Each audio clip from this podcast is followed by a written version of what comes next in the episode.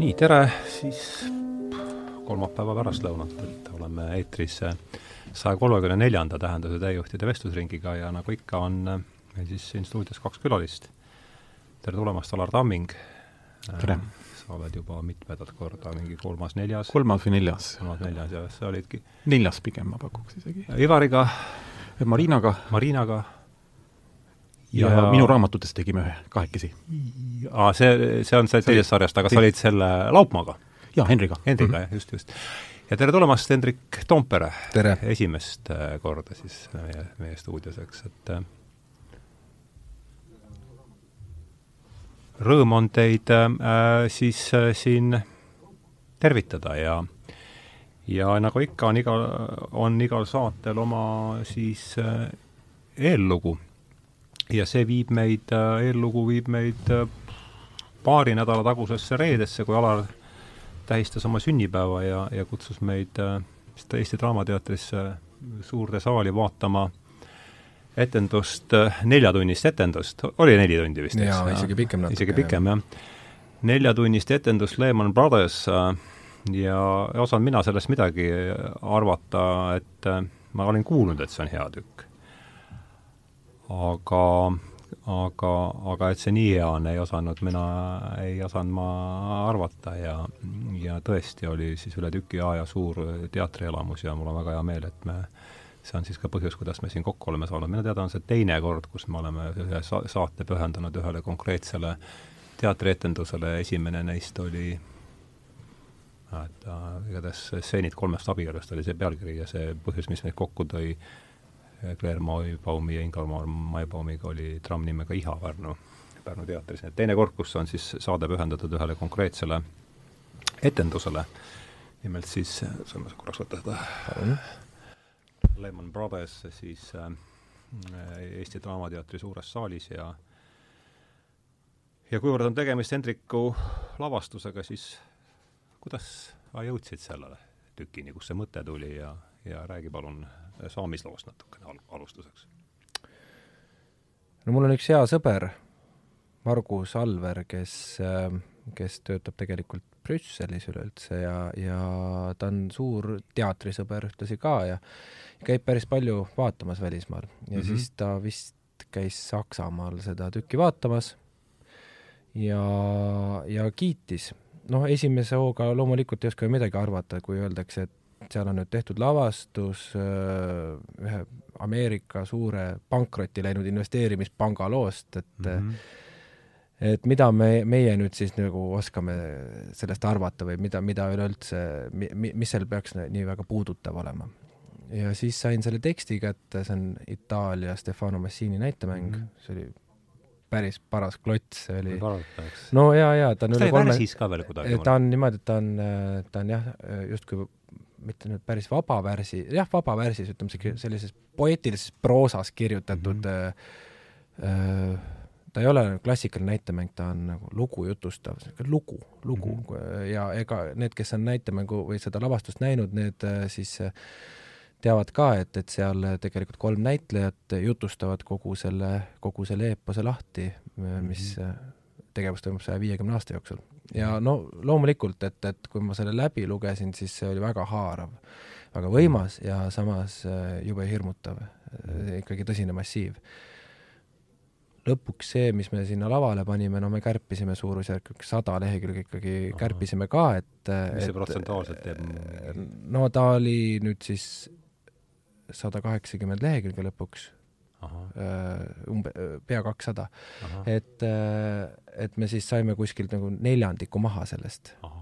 no mitte kolmandiku, ütleme, me, me, me ei võtnud sada lehekülge, võtsime mingi seitsekümmend lehekülge, midagi sinnakanti läks maha ja siis jäi veel järgi, on ju, seal sada kaheksakümmend ja ühesõnaga äh, päris palju, läks stseene välja, mis olid armsad, mida mm., mis muidu olid väga toredad, aga, aga noh, ei saanud midagi sellega, ei, ei mahtunud lihtsalt, ei, ühe inimvõimetel on piirid mm. -hmm. ja igatahes ta on algselt kirjutatud kuuldemänguks, ta koosneb erinevatest peatükkidest, äh, noh, me siis transformeerisime seda ümber näitemänguks ja, ja ja et kui tagasi tulles selle juurde, et ühe panga lugu, et, et noh, et tõesti, mida on meil sellest siis, et äh, et ega meie ju mina, mina teatriinimesena või ka tavalise kodanikuna, ega ma lõpuni pangandusest aru ei saa.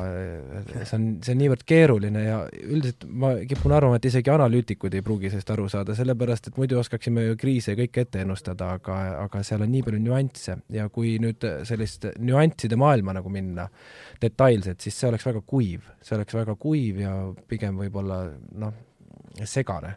aga see näitemäng on perekonnalugu. Ja, ja ta on noh, läbi ütleme nende vendade, kes seal algselt tulid sinna äh, Ameerikasse, siis äh, läbi nende, nende perspektiivi jutustatud mm. -hmm. ja see muudab selle loo väga inimlikult mõistetavaks ja liigutavaks mm. -hmm, just um,. no jõuame selle protsessi juurde, jõuame, jõuame veel tulla, aga kuidas sina selle kuidas sul see mõte üldse tekkis, et niisugune vahva sünnipäev korraldada? no vot jah, et oligi nüüd selline asi, et esimene aprill tuhat üheksasada üheksakümmend üks asutasin ma ühe aktsiaseltsi, selle nimi oli siis David, mis siis sai alguse Tallinna Videokeskusest. sealt on see lühend ka. ja peale aastast tegutsemist me jõudsime mingil hetkel nagu valuutavahetuse juurde ja praeguseks hetkeks sai siis sellest firma asutamisest kolmkümmend aastat mm -hmm. aprillis ja õige, see polnud sinu sünnipäev, vaid firma sünnipäev. absoluutselt, jaa. sul on ju jõulis sünnipäev. jaa, ja kuna sellel ajal ei saanud teatrietendusi midagi nagu vaadata, siis äh, lükkus see kogu aeg edasi ja nüüd siis täiesti mingisugusel teisel ajahetkel oli niisugune võimalus ka, millal nüüd parasjagu vaba etendus oli, siis sai see etendus tellitud ja kõikidele Davidiga seotud sõpradele ja lähikontsertidele niisugust võimalust nagu pakutud. ja kui oli nagu noh, see hakkaski ikkagi sellest, et tegelikult tahtsin ise seda etendust näha mm. -hmm. et kuna ma jäin koroonasse sel ajal, kui piletid oli, siis jäi nagu etendus ära ja siis tuli jutuks, et aga et noh, vaataks ettevõttega või teeks nagu kõigile välja niimoodi. ja, ja lõpuks ta areneski nii-öelda tegelikkuses sünnipäevaks. et see on niisugune mm -hmm. pikem protsess. aga kui siin nagu oli mainitud, mis ma tahan nagu öelda, et et ega neid jah, kriiside puhul ühest küljest ei ole võimalik neid ette vaadata, aga nii palju, kui mina olen nagu nüüd hästi palju lugenud, siis nii-öelda tuhande üheksasaja kahekümne üheksanda aasta kriis on ette ennustatud.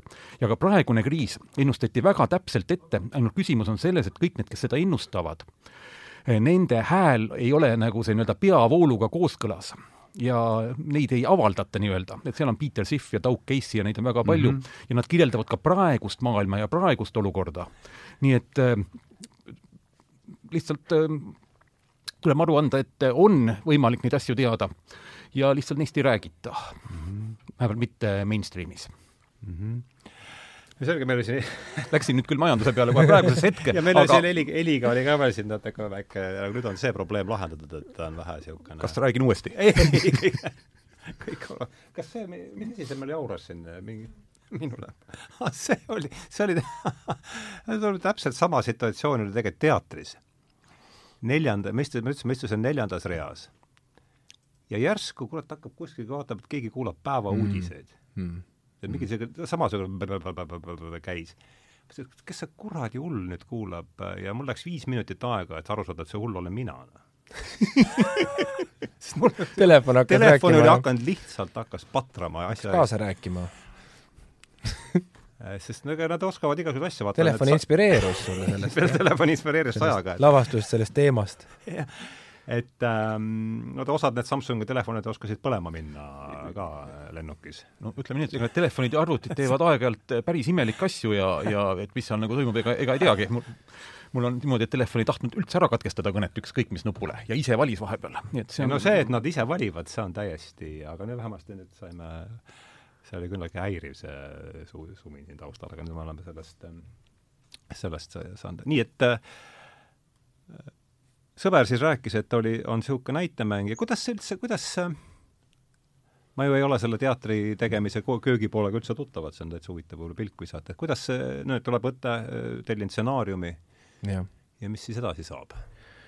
No siis loed läbi, alustad no, sellest, loed läbi ja siis mõtled ja kahtled ja, ja see oli ingliskeelne siis juba või, või oli sa... jah, ma sain esimese, sain ingliskeelse jah. ja siis tuleb seda hakata tõlkima, eks? jaa, ja siis tõlgitakse see, kui tundub, et äh, kaua see, mis miski... aega võttis, mis see, millal see esimene kokkupuude oli? ma arvan, äh, ma läksin, ma, mul nüüd ei ole enam meeles, et äh, ma arvan, et suurusjärk üks neli aastat äkki või mm. -hmm. ma käisin ikka, see näitemäng oli mul pikalt, oli isegi viis aastat võib-olla mm. -hmm. ma käisin eelmise kunstilise juhi juures, käisin jutul sellega Aha. ja siis arutasime ja ja ei osanud nagu kohe midagi arvata selle kohta, sest tõesti massiiv oli meeletu ja aga siis, siis lõpuks julgesin ette võtta, et, et ma arvan, et, et noh, suurusjärk ütleme, paar aastat, vahest natukene lühemalt, vahest pikemalt, haud seda teksti, mõtled, võitled sellega.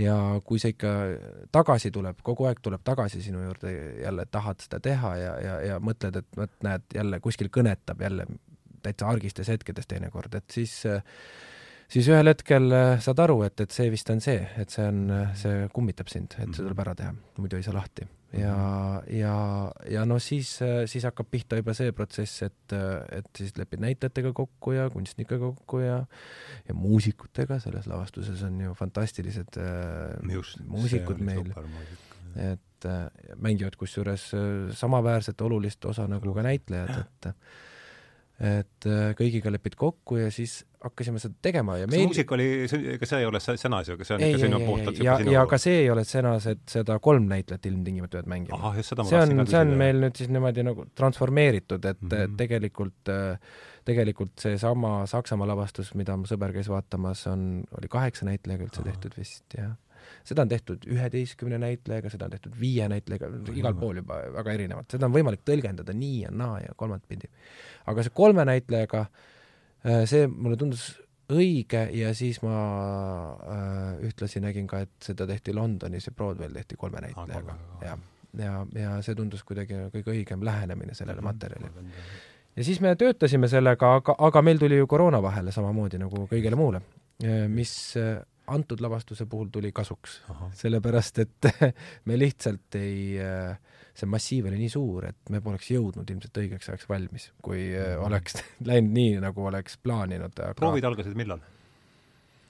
no proovidega hakkasime me pihta detsember kaks tuhat üheksateist, üheksateist jah, siis kakskümmend kevadel tegime, tegime kuni märtsini, siis tuli meil, lõi see kriis sisse, meil pidi mm -hmm. esikas tegelikult olema aprillis märtsini tegime, siis äh, ootasime ja jätkasime mais, tegime üks niisugune kolm-neli nädalat tegime mais-juunis ja siis lõpuks tõime välja ta sügisel. et me tegelikult tegime seda asja praktiliselt sama kaua, kui kantakse last mm.. ja, ja noh, sai põhjalikult ette võetud, oli tegelikult väga tore meestega koos seal proovisaalis istuda, kui nagunii kõik muu oli ühel hetkel täitsa kinni, olime oma maailmas, oma mullis, elasime, mõtlesime selle peale. see tuli kasuks kõik, et seetõttu me saime ka ta ära viimistleda mm. -hmm. aga võtaks siis, läheks niimoodi kahele rajale, et üks on etendus ja teine see reaalne ajalugu, mis sina mäletad äh, kahe tuhande kaheksanda aasta, ma, mul on seal oma pildike, et ma võin seda pärast rääkida, aga mis sul tuleb äh, kaks tuhat kaheksa, viisteist september, eks ole jaa, tähendab, ma mäletan seda kaks tuhat kaheksat väga hästi, et meie juures töötas üks selline ka finantsanalüütik, Raul oli tema nimi, ja juba kuskil maikuus ta siis ütles, et mingisugused omavahel seal chativad sellised nii-öelda diilerid, et on oodata Bear Stearnsi või ühe nii-öelda investeerimisfirmade pankrotti ja noh, oli mm -hmm. tükk aega oli juba tunda õhus, tähendab minu arust juba kuskil kahe tuhande neljandast, viiendast noh, on, oli tunda õhus, et on nagu kriis tulemas. et võib ka pärast rääkida, miks ta nagu tegelikult tuli mm. -hmm. et see kinnisvarakriis.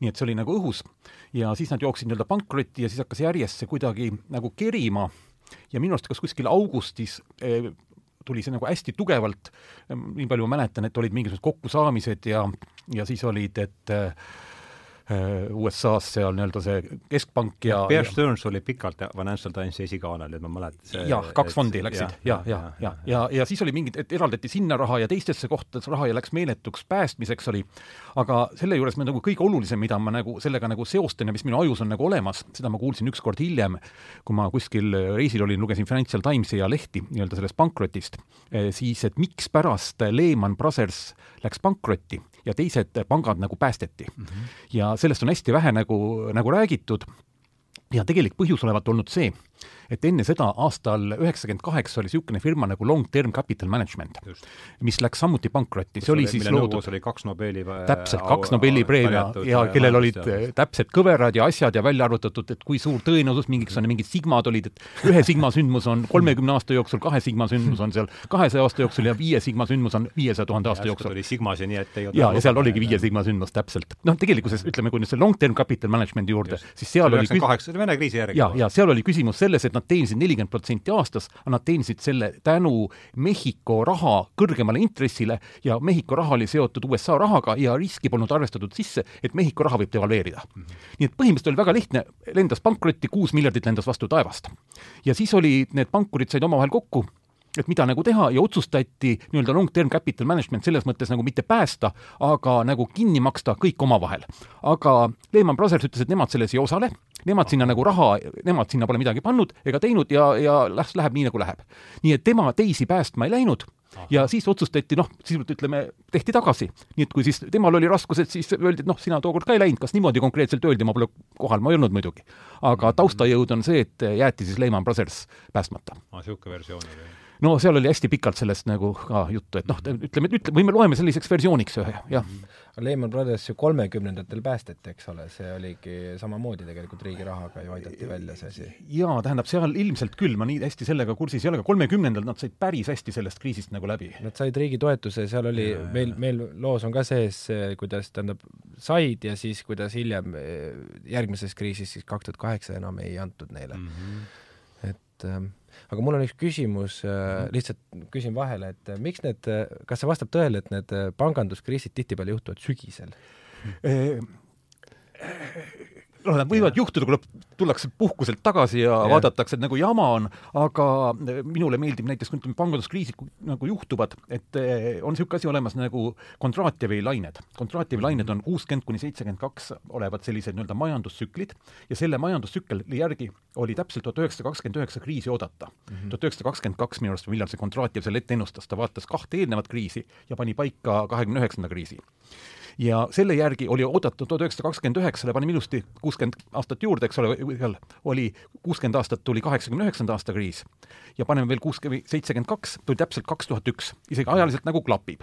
aga selleks hetkeks oli, noh, kriis oli nagu tegelikult sisse kirjutatud, siis põhimõtteliselt hakkaski ju langema selle IT asjadega, aga selleks hetkeks olid nii-öelda need keskpankurid nagu piisavalt targaks saanud ja said aru, mismoodi kriisi edasi lükata, nii et põhimõtteliselt oli see, et sellel hetkel eh, lasti hästi palju raha ringlusesse juurde, toodi, päästeti kriis ära ja sellele lisaks tekitati hoopis kinnisvaramull. Kuna ringlusse tuli nii palju raha, see otsis nii-öelda omale kohta, kuhu minna ja laenati ju raha seal Ameerikas, et on isegi töökohta, mis need olid, öeldi, et ninja laenud, no income, no job. Et sellised, sellised laenud anti välja. nii et põhimõtteliselt oli nagu see sisse kirjutatud ja selle tõttu nii-öelda seesama kriis mis siis oleks pidanud toimuma kaks tuhat üks, et oleks toimunud normaliseerumine, eh, liikus edasi aastasse kaks tuhat kaheksa. no kaks tuhat üks ei läinud ka päris libedalt, siis oli ju see internet. ja no ja, ja ma räägingi, et ta niimoodi ja, sujuvalt ja, ikkagi läks nagu üle, sest ikkagi läks edasi. ja nii-öelda kaks tuhat kaheksa siis eh, plahvatas ta nii-öelda tugevama kriisiga, aga ka see tegelikult ei läinud nii-öelda päris kriisiks üle, ma just vaatasin ka, et see kahe tuhande kaheksanda kriisiga seoses ainult üks inimene sai vist nii-öelda ka kriminaalkorras karistatud, olete, see film on ju ka see Big Short, eks ole, mis siis lõpeb erakordselt fantastiliselt, kus ütleb, et noh, siis lahendati ära asjad ja kõik said karistatud ja kõik muutus ja siis ütles, et see on nali Dick Fuld sai selle, ei Dick Ford ei saanud, Dick Ford ei saanud midagi. ei üks, üks. minu arust Dick Ford ei saanud. Dick Ford ei saanud ikkagi, ta istus kohtus pikalt ikkagi ja ja, ja, ja senati ees annab ta, see oli kongressi ees annab ta tunnistuse, need on Youtube'is olemas, pärast seda lavastust just mhm. vaatasid, et mis äh, Fordist sai, eks, aga ja ma ei osanud ka midagi, ma mõtlesin, et, et see Lehman Brothers, et see suur osa sellest saab olema, et tegelased on Bernanke ja kes need heerosed seal olid kõik, et see ju lõpus läks niimoodi no. meie lavastus jah, et see, selle kriisini ta küll jah, lõpuks tõesti jõuab, on ju, aga, aga, aga see suurem, suurem osa on just. sellest, on palju varasemas, palju varasemas ajas, jah. ja, jah, jah sa, sa ei mäleta, Dick Fald ei saanud minu meelest? minu arust ei saanud, ma seda nime nägin, see oli minu arust isegi veel tumedanahaline mees praegu, seal oli, ma vaatasin just mhm. Vikipeediast praegu järgi. Mm -hmm aga jah, vastuseks nüüd küsimusele siis nii-öelda kaks tuhat kaheksa ka, kui siis jõudis jälle selle nii-öelda kriisikohani, siis täpselt korrati sedasama asja, mis oli kaks tuhat üks, eks ole, anti jälle süsteemi nii-öelda raha juurde ja järjekordselt päästeti kogu süsteem ära. Ja nüüd me näeme, et noh, kuhu me nüüd oleme jõudnud, oleme nüüd jõudnud aastasse kaks tuhat kakskümmend üks, kus siis nii-öelda see mull on ületanud absoluutselt igasugused mõõtmed. Ja noh, minu hinnangu järgi teda loomulikult on võimalik veelgi edasi lükata aga see, et see nüüd ütleme, see pikema nii-öelda mulli lõhkemine toimub igal juhul, noh, võimalik on ka see, et niisugune hüperinflatsioon, et ta ei pea ju kohe toimuma, et niisugust viiekümne protsendist inflatsiooni, nagu Türgi näitab, võib olla ka kaks-kolm-neli aastat. nii et sisuliselt ütleme, praegusel hetkel minu hinnangul, kui vaadata nagu ajalugu, oleme kogu aeg kriisieelses situatsioonis, kas pankurid teadlikult või mitte, tegutsevad kogu aeg selle nimel, et seda nagu Et ei juhtuks. jaa, aga noh, teada on see, et mida suurem on õhupall, seda suurema pauguga ta plahvatab.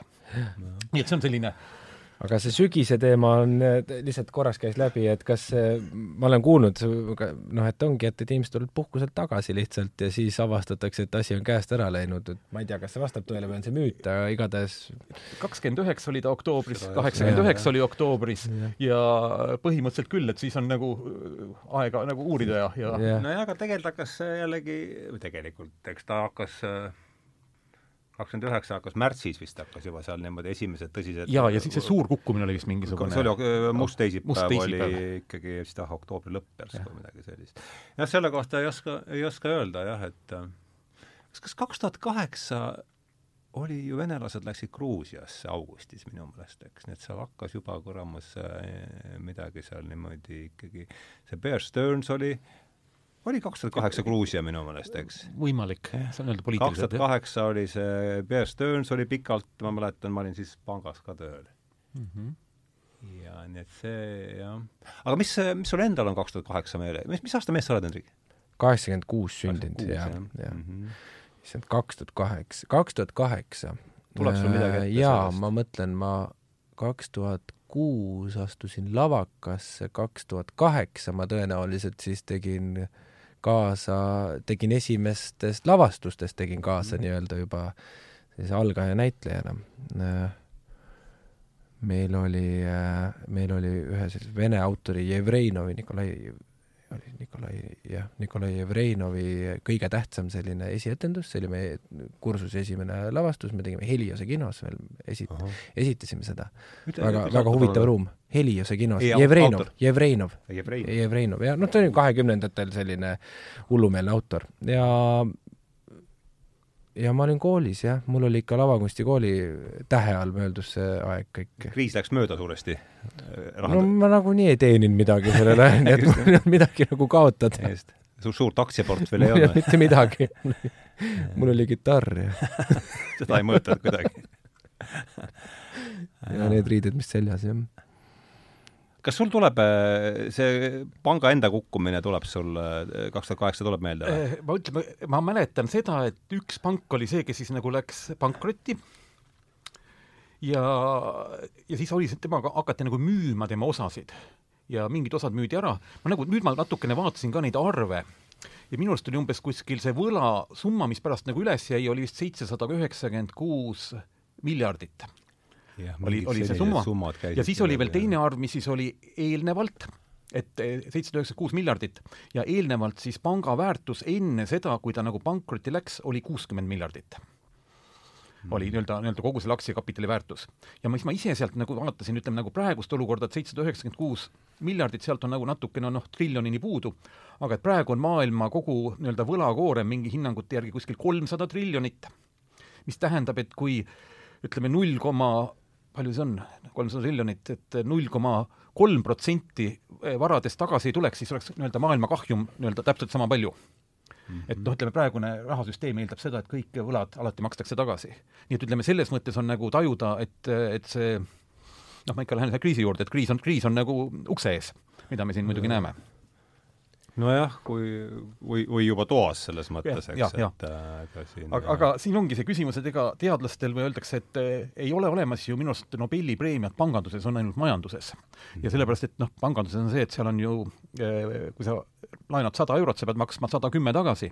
aga kust see kümme tuleb, et see on nii-öelda, seda pole nagu olemas, et see siis luuakse järgnevate laenude arvelt, ehk see on nii-öelda hüperinflatsiooniline teooria, eksponentsiaalne kasv on seal, seal sees mm. -hmm. nii et nii-öelda minu arust nagu teoreetilist varianti ei ole sellest võimalik nagu pääseda et see on nagu pikem, pikem teema muidugi, aga mm -hmm. noh, minu raamatus ma kirjutan sellest ka et, et, et need asjad on tegelikult mõistetavad, aga ma ütleks, et sellised nagu majanduse nähtamatud hoovused, et noh, minu suur õnn on olnud see, et ma ei ole olnud pangandussüsteemis ja mul ei ole ka majanduses kõrgharidust.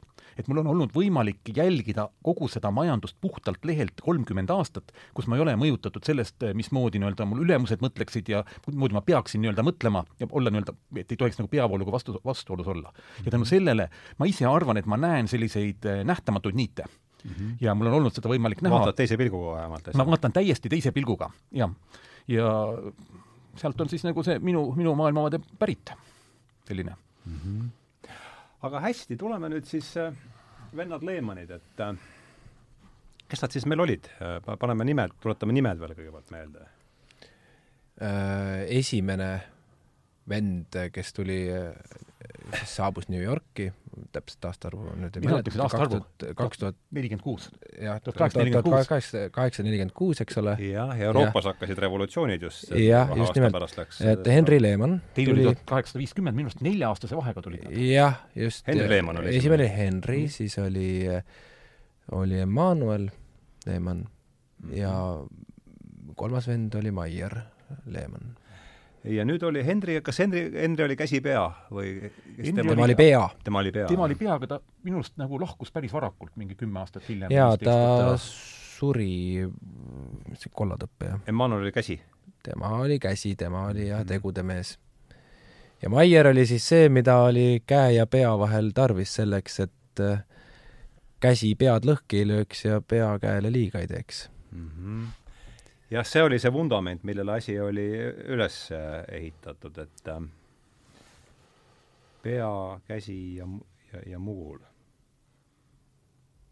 no nad toimisid väga hea meeskonnana, nagu Just. ma olen aru saanud ja eks seal siis see vundament tõesti laotigi, et no mina saan aru, et seal oli ka natuke sellist nii-öelda juhust, noh nii nagu ütleme, Nokia hakkas kunagi ju nii-öelda pihta mingitest autokummidest ja jõudis nii-öelda telefonifirmani ja, ja Shell oli just kunagi väike teokarpide firma Londonis, mingi väike mm -hmm. pood, siis nemad ju algul müüsid lihtsalt kuivaineid ja oli nii-öelda väikene pood. Ja siis, kuna tegemist oli Alabamas ja tegemist oli selle kohaga, kus kõige rohkem kasvatati puuvilla mm, -hmm. siis hakati neile tasuma puuvillas ja neile sobis ka see puuvilla. siis nad lihtsalt müüsid selle edasi ja järsku avastasid, et puuvillaga on palju parem kaubelda. et see ei olnud neil nii-öelda teadlik otsus, et mingit pidi elu viis nagu selleni, et kangapood neil oli, vot seda kang-, meie, meie lavastus algab kangapoest, et võib-olla ennem seda oli kuivained ka ja, ja siis ja mul ei tulnud kuiva, etenduses olid juba ja, ja, ja siis oli, eks seal olid suured tulekahjud ja, ja nad hakkasid neid tööriistu ja kõike muud ka ja. seal veel neile edasi müüma.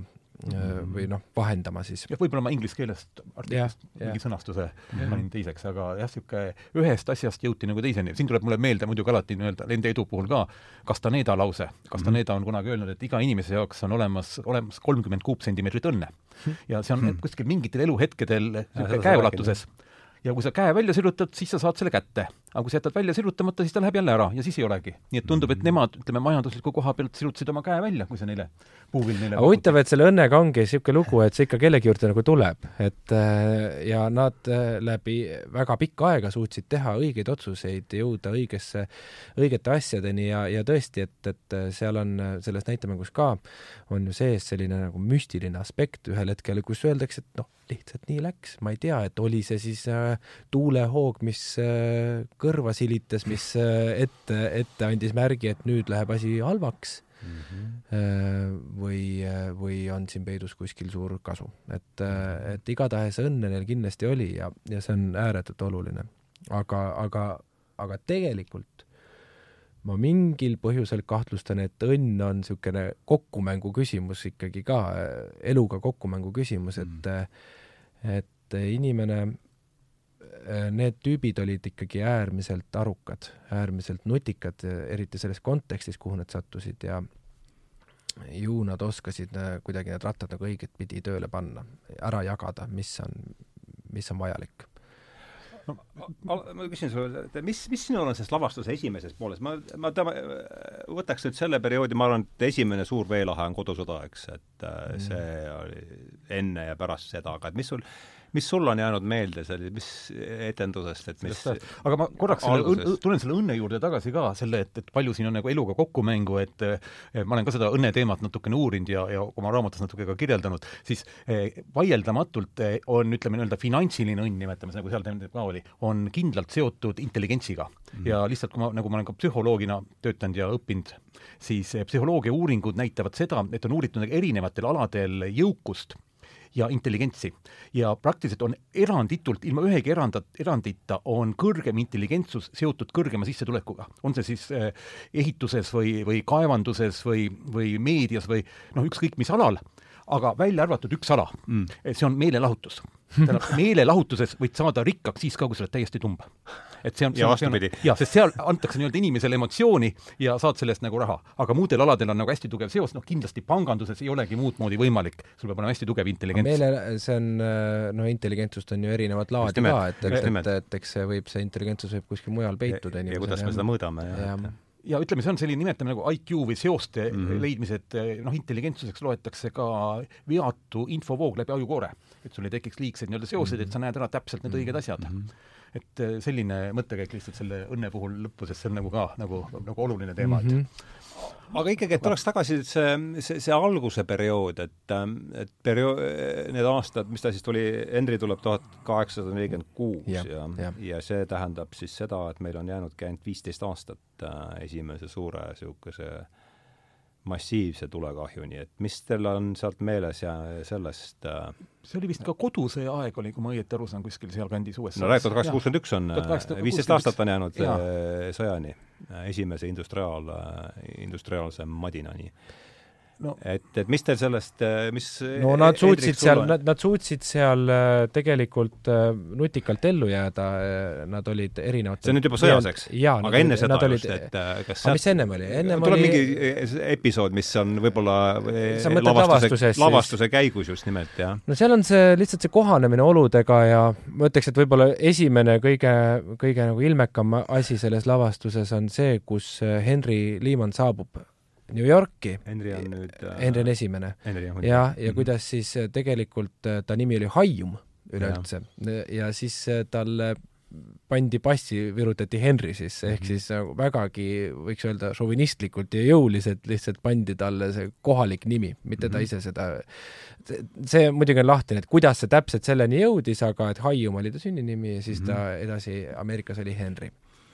et äh, et ja sealt nagu kehtestati kohalikud olud, noh, ja seal nad siis harjusid, kuidas nad tegelikult, ta tuli on ju sisserändajana, ega tal väga palju polnud ja kuidas ta siis vaikselt ehitas üles. Üsna, üsna, üsna kenasti, et, et käis seal istandustes ja ja tõesti, selle puuvillaga nad juba, juba jahmerdasid ja mm. sealt tekkisid siis sidemed ka New Yorgiga, kus siis tõeline Või, suur raha liikus ja kas see läks juba üks vendadest ja üks vend läkski New Yorki ja see oli, see oli enne sõda juba, eks ole? just nimelt, ja siis mm -hmm. sõjaajaks jäid nad siis erinevatele pooltele, et ah, et oli äh, Emmanuel, kelle sünninimi oli Mendel äh,. Emmanuel läks New Yorki, eks ole? tema läks New Yorki ja mhm. tema siis tegi, avas seal kontori ja siis Maier jäi siis äh, sinna Alabamasse äh,, Alabamasse, Montgomery'sse. õige, jah, nad olid ja, ja nad olid erinevatel võitle- või erinevatel pooltel, aga kuidagiviisi õnnestus neil sahkerdada sõjakiuste, erinevatel pooltel olemise kiuste,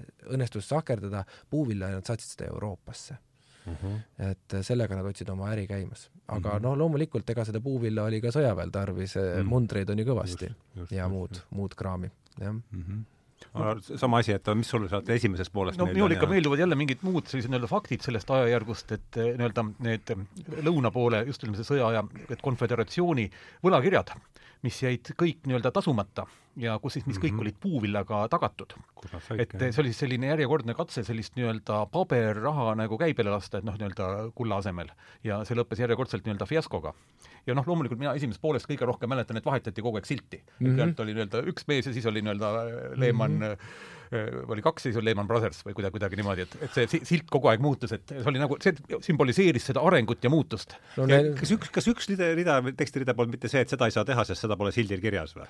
umbes nii, aga et noh, see on, ütleme nii, et seal on nüüd siis jah, seal on lihtsalt raamat tehtud, et, et et see, see on ka nüüd siis selline kirjaniku tõlgendus, et, et lihtsalt üks vendadest ehk siis Henry, kes oli nagu pea, ei tahtnud võtta käelt käelt siis sõna kuulda käelt, kes on lihtsalt niisugune muskel, on ju, et, et mhm, peab ikkagi üks mees peab otsima, keda mängis Maite. et, et ja see on, ütleme nii, et see on kirjaniku jah, selline tõlgendus, et lihtsalt neil oli omavahelist nagelemist ka, see on võib-olla ka liialdus, ei tea noh. nojah, aga me saame rääkida sellest tekstist, mis meil seal on. no just nimelt, jah, jah, ega, ega see näitemäng ongi, kui palju ta nüüd lõpuni kõigest tõele vastab, ei tea, aga, aga tõe põhi on tal küll all. seda ma võin tõsi üldse on selles kontekstis, et see on üks vaade, et see on tõeli-, tõelisem, kui veel see tõelisus ongi, eks ole. jaa, ta on kunstiline ja seal on ka kunstilist liialdust kindlasti ja kõike, nii edasi, jah mina teen hüpoteesi, et eh, kui üks vendadest oli nüüd Alabamas ja teine on New Yorgis, et see annab võimaluse sellistele hinnaerinevustelt midagi nagu teenida. et see meenutab mulle seda, et kui siis eh, minu arust äh, olid vist Rothschildid, kus siis oli nii-öelda see Inglismaa peale Waterloo lahingut mm -hmm. nii-öelda vennad jagasid informatsiooni ja sai päev varem teada, et kes ja, nagu ja. võitis ja mängisid vastupidist seal. -hmm. nii et tõenäoliselt see erinevus tõi neile ka mingisuguse no jaa, ja ei no see oligi, nad müüsid ju seda New Yorgi puuviljaturul, et nagu ikka, ostetakse kuskilt odavamalt ja müüdi kallimalt. nii ta, nii ta neil käiski ja, ja lihtsalt see vahelt kasu oli suur see mul tuleb hästi meelde, kus kunagi ma tegin intervjuu Viido Polikarpusega Keskkursil ja tema selgitas mulle äripõhimõtted väga ilusti, et äris on ikka nii, et sa ostad odavalt ja sa müüd kallilt. ja siis sa nagu võidad sellega et see tundub nagu jaa, et ostad ei ole vaja suurt raketiteadust. jaa, et ostad ühe euroga tikudoosi ja müüd kahe euroga ja, ja siis see üks protsent on see, millest elad. just nimelt. aga see üks, üks rohkem pole vaja, üks protsent sellest piisab üks see, mis mul tuleb miskipärast meelde selgelt, on see, kus olid Guido Kangur äh, mängis seda pooljuhmakat USA Aa, kubernäri. ja, ja ja siis, mis seal nüüd täp-, tuletame seda veel meelde, see tundub nüüd olema esimene niisugune, kus minnakse pudupoodnikest, no okei okay,, nad ei olnud enam pudupoodnikud, kui nad seal juba seda kangaid seal öeldakse esimest korda lavastuses välja sõna pank äh, ja, ja., ja siis põhimõtteliselt seal asutatigi Montgomery's äh, asutasid Lehmanid siis panga ja see Montgomery on meil kus, Alabamas? Alabamas jah, ja, ja, ja siis äh, seda kasutab Bank for Alabama oli vist jah. ja. ma ei tea, kas nad tegid seda kellegagi koos, tõenäoliselt. Ma ei no, usu, et päris, päris nad omaette seda tegid, aga nad olid kindlasti osalised selles seal on juba riigi raha mängus. ja seal anti riigi raha ja seda kasutati siis tegelikult osariigi äh, ülesehitamiseks pärast äh, osariigi seda sõda, jah, ja, ja, ja, ja noh, no vot ongi, et nüüd jälle kirjaniku tõlgendus, et seal ütleme, selles loos on kuskil keskel toimub niisugune murdepunkt, kus äh, nagu sellisest äh, nagu eetilisest pangandusest nagu nihkutakse natukene kuhugile sellisesse kasiinosse rohkem ära, et mm, -hmm. et, et et seal antud juhul siis autor on seda kuidagi pidanud nagu selliseks ilusaks käiguks, et nad tegid panga, mis aitas seda osariiki üles ehitada ja tõepoolest nad vist olidki väga hinnatud seal äh, et neid noh, neil oli palju teeneid, nad tõesti aitasid ja tegid palju selle mm. asja jaoks. siis on, siis on kõik need mugul ja käsi ja pea ju veel olemas, eks ole, kui see panga tegemine. ei, pea, pea ei ole enam. Henry suri ära tegelikult väga kiiresti, Henry suri ennem sõda ära juba. ja, ja ta jõudis tõesti seal mingi kümme aastat äkki olla, kui niigi palju, ma ei mäleta täpselt. üsna lühidalt, lühidalt. ja Henry poeg oli kes? Henry, Henry poega meil ei käsitletagi. ainultki, jah? Äh, Robert oli kelle poeg? Robert oli Philip Liimani poeg ah, ja Philip Liiman oli Emmanueli poeg. ahah, Philip on siin. et ta läks nagu mm, -hmm. see näitemäng läheb äh, mööda Emmanueli liini, keskmise venna, jah. Mhm, käsi, jah ja.. Mhm. ahah, õige, jah no Maierit ta ka kasu-, Maieri liini vaadatakse ka seal, sest äh, hiljem, äh, hiljem siis Maier, Maier kolis oma vennale järgi New Yorki mm. -hmm noh, ütleme autoripoolne jälle selline tõlgendus on sellele see, et, et Emmanuelil oli vaja Maierit, sellepärast Emmanuel ei saanud ise läbirääkimistega eriti hästi hakkama. samas oli ta nagu jah, ja siis Maier oli jälle sõnaosavam ja nutikam ja, ja tuli ja, ja aitas läbirääkimistes. Emmanuel jällegi oli tegude mees. tema mm -hmm. viis asjad läbi mina lihtsalt ütlen ka, et kui ma seda Kuberneri ja seda vestlust praegu nagu meenutan, siis minule see tundus seal etenduses ka nii-öelda kõige ebaloogilisem ja asjad, et et kuidas siis ikkagi nii-öelda Kuberner annab mingisuguse terve osariigi ülesehitamise puuvillafirmale ja hoopis teisele kuskile süsteemist tulnule, et nagu tekib pikem niisugune tunne, et neil oli mingisugune isiklik suhe ja, ja teatavasti, kui sa oled nii-öelda riigi rahade juures, siis noh, ei, üldse ei ole välistatud, et seal siis nii-öelda riigi rahade puhul võis olla ka mingi korruptsiooni aspekt, lihtsalt kohe tekib. see on kindlasti üks koht, mis esimesena mul ka meeldib meelde no,, seesama dialoog. ja, ja et kuidagi see nagu absoluutselt nagu ei klappinud, et noh, ütleme minu fantaasia oleks see ka, et tegelikult oleks hea, kui ministeeriumides oleks ka tegelikult ütleme laivis kaamera ja näeks ära, millised need läbirääkimised on, et ikka riigi esindajate puhul me teaks, mis toimub. niimoodi, mida kaugemale ajaloos lähed, seda hämaramaks need andmed lähevad, et, et äh, selle aja kohta on ikka suht vähe sealt me ja ega, ega noh, ei ole, ei ole kuskilt nagu täpselt selle kohta nüüd lugeda, et mis seal toimus. samas kui mõelda selle peale, et mis toimub pärast suuri kriise või sõdasid, siis ega, ega ongi pusle on laiali. pusle on laiali ja siis kes korjab sealt, on ju, et, et äh, iga, lõpuks ja siis lõpuks saadakse see kokku, on ju jälle, aga, aga mm -hmm. alguses on see päris paralik kauboi business, et no kas, no meie üheksakümne, kaheksakümnendate aastate lõpp on ju siin ja. kohe täpselt, kui ma kujutan ette, samasugune noh, tõenäoliselt oli see puse veel rohkem. no see oli julm, see sõda oli ikka julm, julm, julm, jah ja. Vennatapusõda ja nii edasi. jah, me ei kujuta seda isegi ette, et äh, noh, ma olen, ütleme tänu sellele, et me siin eelmisel aastal äh, selle Ameerika äh, võtsime Moby Dicki siin niimoodi tükkideks ja, ja tänu sellele vaatasime seda USA ajalugu ja geograafiat, et see tõi mulle endale kohale, kui suur äh, fundamentaalne murrang see kodusõda ikkagi Ühendriikide ja midagi sellest elab tänase päevani. ja, ja ega osad ju konföderatsiooni lippe lehvitavad siiamaani.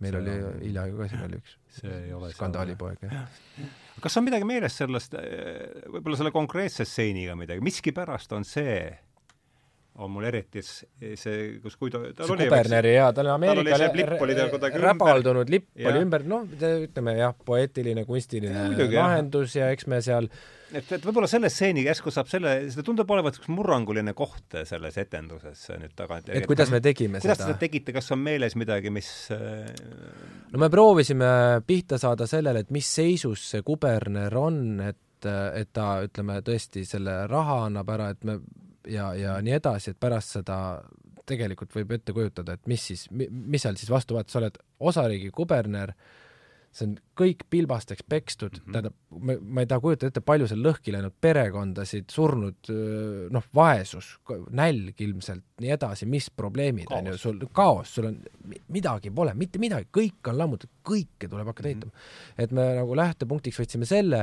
ja, ja mängisime, üritasime mängida selle peale, kuidas siis Guido, Guido kehastatud kuberner on nurka surutud mm, -hmm. lihtsalt ta on noh, kardab iga pauku ja, ja iga ettepanekut, kõike, kõike, kõike, kõike kardab, ta on nurka surutud, ta on, ta on endale lihtsalt võtnud selle lipuräbala ümber, ehk siis hale, igas mm -hmm. mõttes nagu hale. et äh, ja, ja ja kuidas siis äh, äh tuleb Maier, kes Maier on see, kes temaga räägib, jah? mm -hmm. Maier, kes siis on nagu päikesekiirekene selles asjas, kes oh, nagu hakkab, ütleme, ta on nagu jah. pimedas keldris, noh, nii-öelda ennast ja, nurka ja. mänginud ja kuidas siis tehakse see uks lahti ja uuesti hakkab päike sisse paistma ja hakkab midagi nagu uuesti ehituma, et eks ta, eks see äh, lavastus ka on tsükliline, kuidas siis lõhutakse ära, jälle ehitatakse, jälle katastroof, jälle ehitatakse mm. -hmm. ja noh, see Lehmanid olid selle ehitamise juures nagu olulised olulised tegelased, jah. noh, see toob nüüd teise momendi meelde ja see oleks huvitav, Alari, et, et see, nüüd mul tuli meelde, et see Maieri võime äratada uh, usaldust. no see on jälle, et ta naeratas niimoodi, et jah. lihtsalt mingil põhjusel inimesed usaldasid, aga kust see usaldus tuleb üldse, ega, ega tegelikult, kust tuleb karisma, kust tuleb usaldus, tähendab, miks mõned inimesed mõjuvad mm? -hmm miks mõni, ma ei tea, näitleja on näiteks eriti särav, on ju, et eh, kas või sama Priit Võigemest, et miks ta mhm. on nii hea näitleja mm, -hmm. no sa võid selgitada, et seal on jah, no palju tööd teeb ja tubli on mm -hmm. ja ja üldse selline võimekas, aga tegelikult lõpuks see midagi on veel see mhm. miski no aga ütleme siis niimoodi, et see usaldus ka kannatas, no oli, oli õige, et oli usaldus, ehitati ikkagi osariik üles ja pank sai alguse ja mm -hmm. tegelikult see karisma mõjus õigesse kohta ja, ja kõik oli, oligi, oligi aus mäng teise koha pealt. jah, just nimelt. no Alar, sul on olnud äris praktilist kogemust ja, ja oled ka psühholoogiat tudeerinud, kus, see on väga hea küsimus, kust tuleb see karisma või? kust tuleb see, kust tuleb karisma, mis too on ja noh, karisma tuleb kontaktist iseendaga ja oma tunnetega, ma pakuks Aha. niimoodi välja. Et eh, kui sa nii-öelda mõtled, et kuidas ja mida ma pean tegema ja asjad ja nagu lõhud ennast, siis läheb nagu sassi. et see on selline nii-öelda voolamine või ütleme, et karisma tuleb sellest, et sa oled noh, mulle meeldiks öelda, et kontaktis universumiga. ja mm -hmm. sa teed seda, milleks sa oled siia loodud. no see on enesekindlus ka, aga mm, -hmm. aga midagi on veel, mõnel, ma ei tea, midagi on veel enesekindlus on midagi muud, eks ole, enesekindlus on, et sa, ma nüüd olen enesekindel, aga see on kuskilt selline nii-öelda süvaolemusest tuleb see kuskilt. et ega siin otsest vastust ei ole, ma ei teagi, kas seda psühholoogias on uuritud, et me võime lihtsalt nagu koos seda nagu selle üle nagu mõtiskleda, et kust see, kust see karisma tuleb, et noh, ta ei tule kindlasti nii, nagu Mati Nüganen ütles, et minul on karisma. et see on niisugune klassikaline lause. kehtestas ja siis ongi, jah. kuigi tal nagu..., tal oli midagi, sest inimesed vaatasid ja, teda, jah. tal oli seda ikka kõvasti, jah. pigem on nagu küsimus see, et kust tuleb ka selline nii-öelda karisma, mis on, aga kust see nii-öelda kasutatakse petmiseks ja nii-öelda vale väljendamiseks. et kustkohast mhm. see nagu tuleb, et see on teine küsimus. et Mm. Sellele noh, ei ole muud vastust kui Ostap Bender on kahtlemata karismaatiline mm., ja, ja karismaatiline tüüp, eks selles pole ka näitleja, näitleja ka petab ju, näitleja ka ju äh, väidab, et ta on mingi asja peale kurb ja mingi asja peale rõõmus ja, ja, ja siis saalis inimesed vaatavad ja usuvad. Mm. -hmm. jah no mina ütlen, seal on see ja, ikkagi, kas see tuleb egoismist, tähendab üks koht on see, et kui sa tahad midagi endal saada või teine on see, et sa teed midagi endast suurema struktuuriüksuse ehk nii-öelda ma nimetaks kas või inimkonna jaoks, see on muidugi võib-olla lihtsalt võtta nagu sõnadena, sealt hakkab nagu vahe pihta, et kui sa, et kui sa midagi toimid, mis sul nagu selle asja eesmärgiks on, mis selle taustaks on, et kui taustaks on see, et nagu tahad mingi lisaraha saada, Eh, teiste arvelt, noh, see on siis nii-öelda ühesugune käitumine. teine on see, et sa toimid selle jaoks, et kogu ümbruskonnal oleks parem ja selle sa elad ise ka paremini mm. -hmm. et noh, mul on nagu see veendumus, et ma ise sain selle kunagi ühest filmist, kus seal oli seda, aga ma ei hakka selle praegu selle juurde tulema. küsimus on siis eetikas? isiklikus, iga, igaühe isiklikus eetikas. no jah, see on see, et mille jaoks sa siis äh, enda võimeid kasutad kurjasti või hästi. aga jah, mul tuleb see nüüd, selle vestluse käigus mul tuleb jah, see teine aktsent meelde, see, et mitu korda oli see usaldage mind. ja kõik no aga siin ei ole midagi, no kui sa hakkad nagu, no see on nüüd see koht täpselt niimoodi, et äh, sul on valida teatris, et kas me hakkame lahti nuputama ja jutustama, kuidas selle asjani jõuti või sa ütled lihtsalt usaldage mind. ja lähme edasi looma. ja lähme edasi. ja nii, sest nüüd tõe, tõenäoliselt see nii oli. lõputult, kui me yes. oleks sinna lõputult istuma jäänud, siis oleks inimesed ära läinud saalist. kas te ise selle üle arutasite ka, et kuidas, mis see oli? et mis, mismoodi nagu, mis see usaldage tead, kusjuures selle üle väga ei arutanud. ei arutanudki, jah? jah, sest me saime üheselt aru, et see on siit, nüüd selline kujund minna. ja see on selline kujund, mida me nagu kasutame ja, ja, ja see mõjuski sellise natukene müstilise asjana mm, -hmm. mis on tore. noh, niisugune no. tore mäng, jah mm. -hmm mina ütlengi, et psühholoogiliselt ka nii-öelda psühholoogina, siis inimese normaalne seisund alates lapsest on usaldada mm. -hmm. ja see mitteusaldus tuleb läbi valude ja kogemuste, kus maailm sind tegelikult petab, et see on tegelikult normaalne seisund, et ütleme, pigem vastupidi, see, et me kogu maailma vaatame kahtlusega, on siis nii-öelda meie elust õpitud seisund. et, et see ongi on,, ongi normaalne, et kui inimene ütleb usaldada, siis mina alustaks, et usaldaksin, ma ikkagi pean veel ühe näite tooma ühe muu koha pealt, mis mul lihtsalt meenub praegu, et tehti ükskord üks arvutiprogrammide omavaheline võistlus mm, -hmm. et milline on kõige edukam ah, ette, eks ole. ma ei tea, kas see oli see, et milline on kõige edukam programm. ja, ja siis kõige edukam programm oli see mm, -hmm. kes ise alustas alati nii-öelda positiivse käiguga teisele ja. poole. tegi nii-öelda esimese nii-öelda sõbraliku pakkumise. aga, ja, ja siis, kui teine tegi negatiivse, siis hakkas mingi muu asi. aga kui teine alustas negatiivsega, siis ta tegi ka alati positiivse pakkumise. nii et tema esimene käik oli alati positiivne. nii et esimene asi on see, et kui mulle midagi öeldakse, noh, et siis ma, ma ka pigem, pigem minul on valida, kas usaldada või mitte, see esimene kord usalda. aga kui noh, midagi läheb teisiti, siis tooks paralleeli, tooks teatrist jälle, et äh, improvisatsioon, selline asi, noh, mida vahest tuleb ette, kuigi, kuigi mitte, mitte väga tihti, kusjuures lava peal ikkagi enamasti kõik on ära seatud, aga improvisatsiooni esimene reegel on äh, see, et sa ütled jah, mitte sa ei ütle ei, sa ütled jah ütleme niimoodi, et see, sest see annab võimaluse juba järgmisteks sündmuste arenguteks, siis saab minna, kui sa ütled ei, siis sa lihtsalt tegelikult matad selle idee, paned kinni ja teine peab tulema järgmise ideega, onju. Mhm. improvisatsioonis peab, improvisatsioonis peab alati ütlema jah jah, jah, jah, ja see käivitab oma, omakorda järgmise sündmuste ahela, ehk siis viib asja ja tegevust edasi. nagu, nagu Richard Branson, kes enda kohta ütles, et tema oli jah-mees, et talle ja. meeldis niimoodi kuskil oma lennukiga lennata ja siis inimestega rääkida ja kui keegi talle ütles, et nii tore oleks, et saaks nii-öelda lennuk, istume siin toolide peal, eks ole, saaks nagu omavahel rääkida, et võiks ju mingi paar olla siin. siis ta kohe tegigi selle. ja tema kohta öeldigi, et ta on jah-mees, et ükskõik, mis idee öeldi, et ta ütles jah selle kohta, et mulle ka meeldib see mõte mm. -hmm see on improvisatsiooni kuldreegel, jah. see tuletab, tuletab, me olime kolmekesi viimati siin, oli siis äh, Mihkel, äh, Ahto ja, ja Raun ja Mihkel, vabandust, Ahto on ju ka laval äh, siis Abner. jaa, just. et oligi, terve saade oli improvisatsioonist mm -hmm. ja, ja nüüd on hea, see annab silla sellest, et kuidas kuidas nemad selles, kuidas, kust see idee tuli, äh, see suurepärane bänd kaasata, sest minu arust see andis äh, mm, see tekkis see seoses selle et... New Yorgiga ikkagi, et niisugune noh, džäss trio ja New York ja just kolmekümnendate New York, et see kuidagi sealt hargnes ja samal ajal noh, et äh, et ta ei piirdu ju ainult džässiga, ega see muusika tegelikult seal, mida seal mängitakse, on lai, meil on seal kõike Prodigy't ja mm -hmm. nii mhm. edasi, et et äh, et nad on lihtsalt nii võimekad ja ägedad kujud, äh, Kuit, Guido Kangur, kes on siis meil ju džässimees, on ju, siis tema viis meil otsad kokku, ütles, et Aha. kuule, et kutsume, et nemad on sellised head vennad ja, ja siis äh, noh, ja olidki olid jah? kurat, see mussandis, see oli nii äge, noh, et, et tõesti, mul siiras imetlus. ja Lauri Kaldoja on teinud selle muusikalise kujunduse, ütleme, tema Aha. nagu valikut teinud, tema on siis meil olnud äh,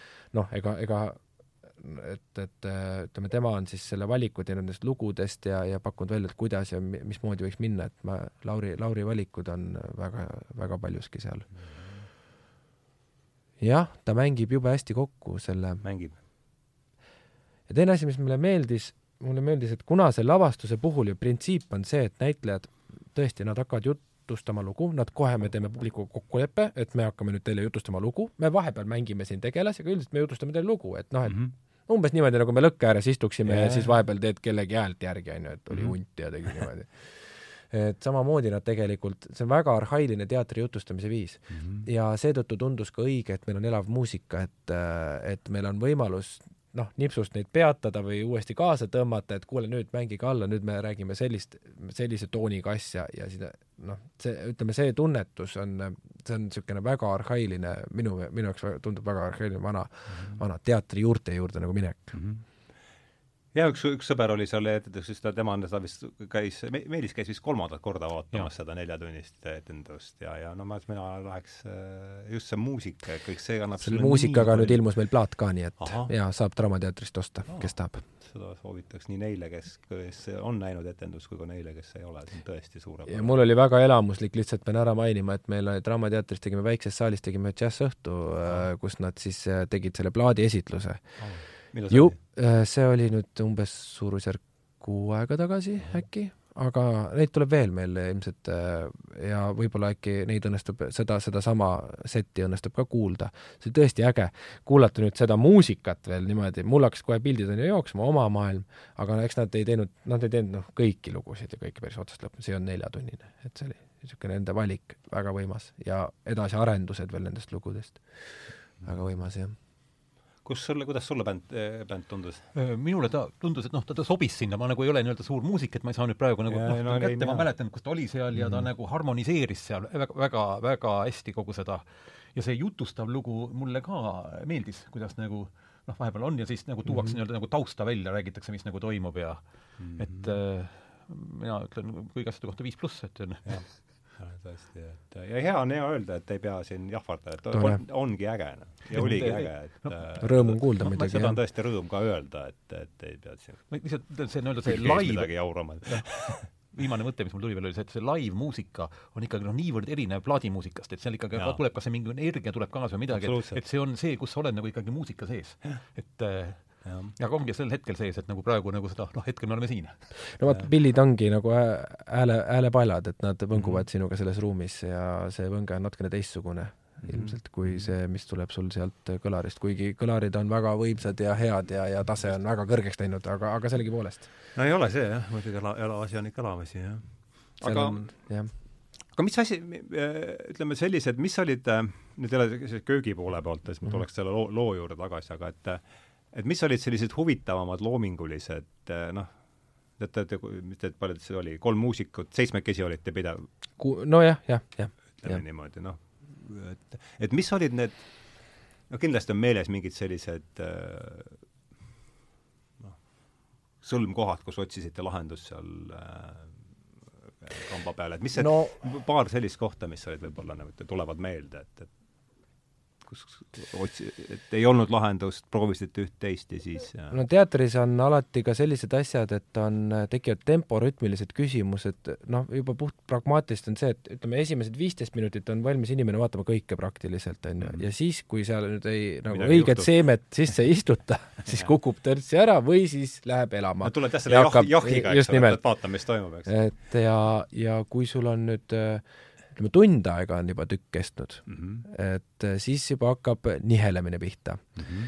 ehk siis sa pead ikkagi mängima ka sellised nagu temporütmid, kusjuures sellest ei piisa, et sa lihtsalt paned meeletu tempo peale ja kappad, see mhm. väsitab ka ära. üks tempo, tempovahetus, vot see on see, mis nagu hoiab tähelepanu üleval ja see on mm -hmm. miski, mis, mis on huvitav. eriti selle neljatunnise etenduse juures, eks ole, jah et, et noh, näiteks ma näitan, et meil oli teise vaatuse teist poolt oli seal keerukas nagu ära kombineerida.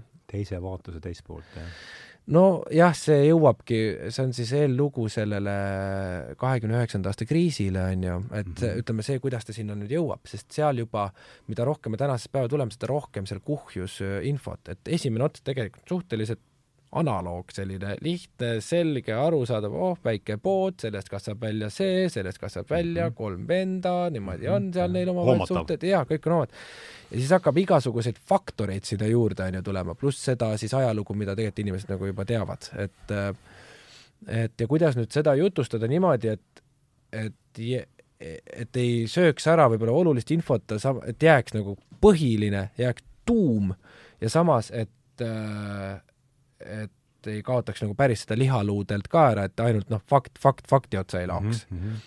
ja kuidas seda Äh, seda meeletu informatsiooni merd niimoodi esitada, et seal oleks vaheldus sees mm -hmm.. noh, seal on, ütleme, seal on erinevaid sündmusi, seal on Herbert versus siis, Herbert oli siis äh, Maieri poeg, kellest Herbert sai hiljem, jaa, hiljem sai siis äh, New Yorgi äh, kuberner ja, ja ja siis oli veel seal võitlus oligi Herberti ja Philip Lehmani, kes siis oli, kes oli Emmanueli poeg ja kes, kes oli see Lehman Brothersi niisugune legendaarne juht, on ju, selle ta mängis Priit, eks?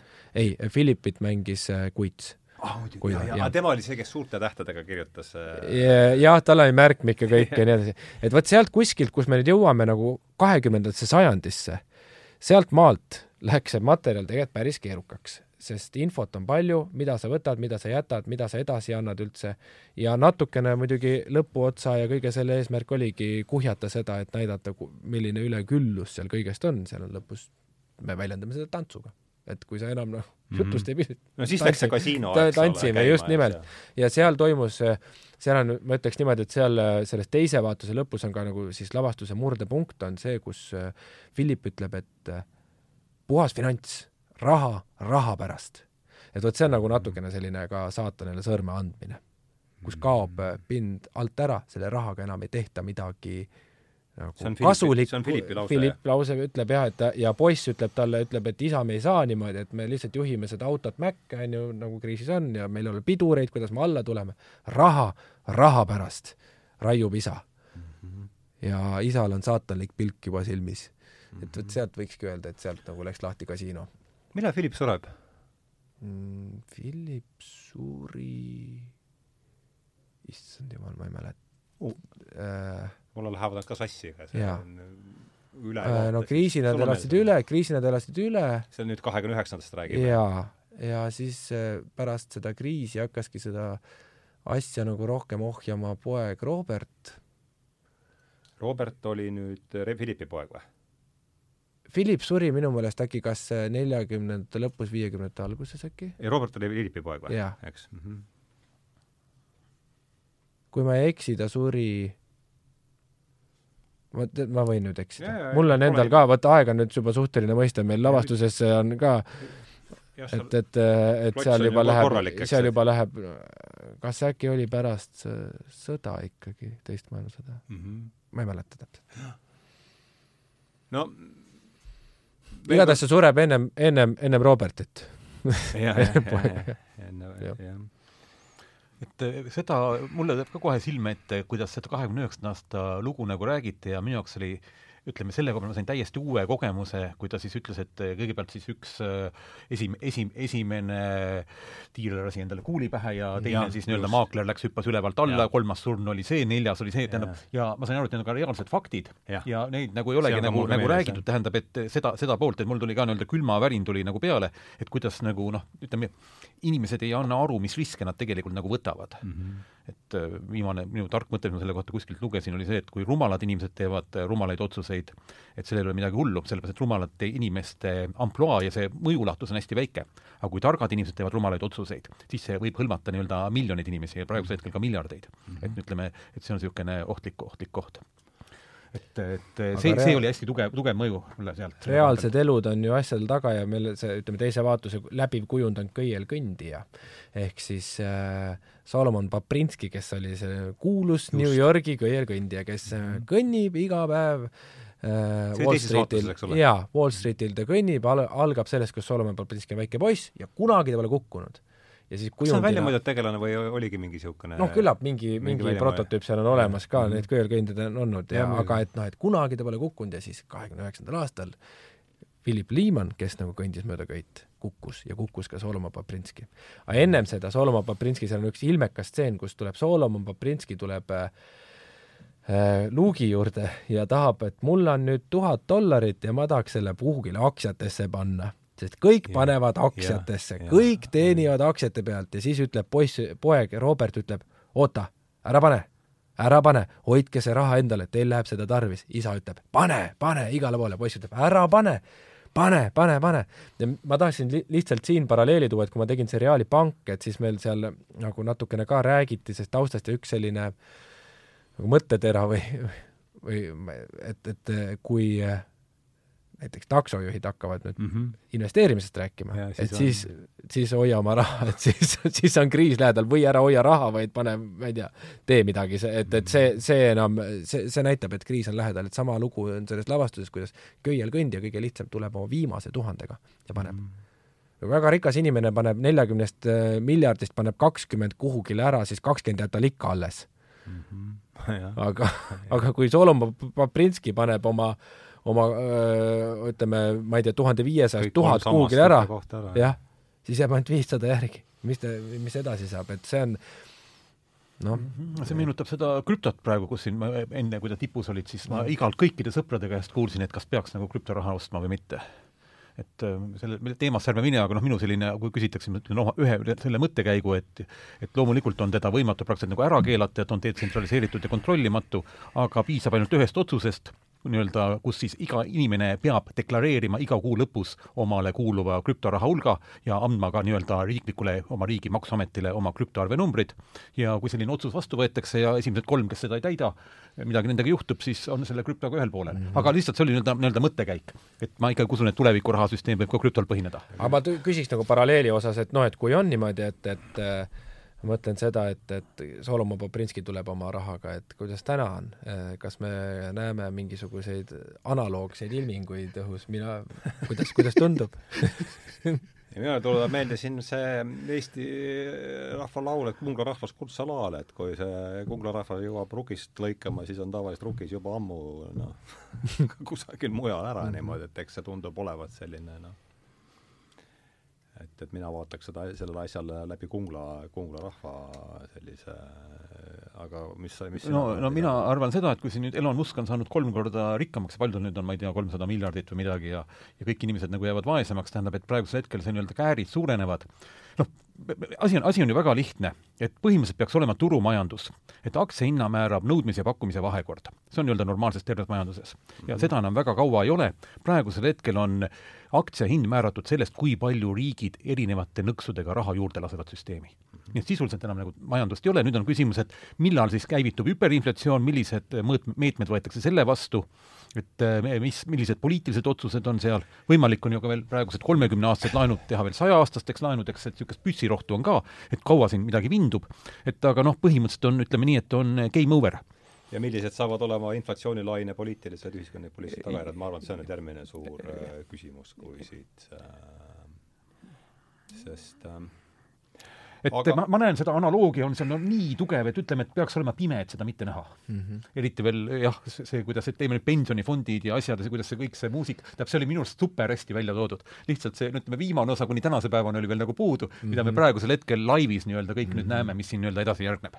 Jah, ja see on, tõesti, see oli toodud, see oli toodud kunstiliselt veenval kujul kohale, see, mida noh, siin ma olen nüüd üritanud seda, kogu seda majandusteooriat niimoodi kiirkorras unustada, aga aga, aga noh, kõik see, mida seal omal ajal sai jahvatatud selle ümber ja graafikud veetud, et seda oli niivõrd noh, tõesti kunstiliselt, esteetiliselt veenval kujul toodud kohale see on tõesti suur, väga suur äh, vägev kunstitükk, midagi ei ole öelda. tore jah, aitäh!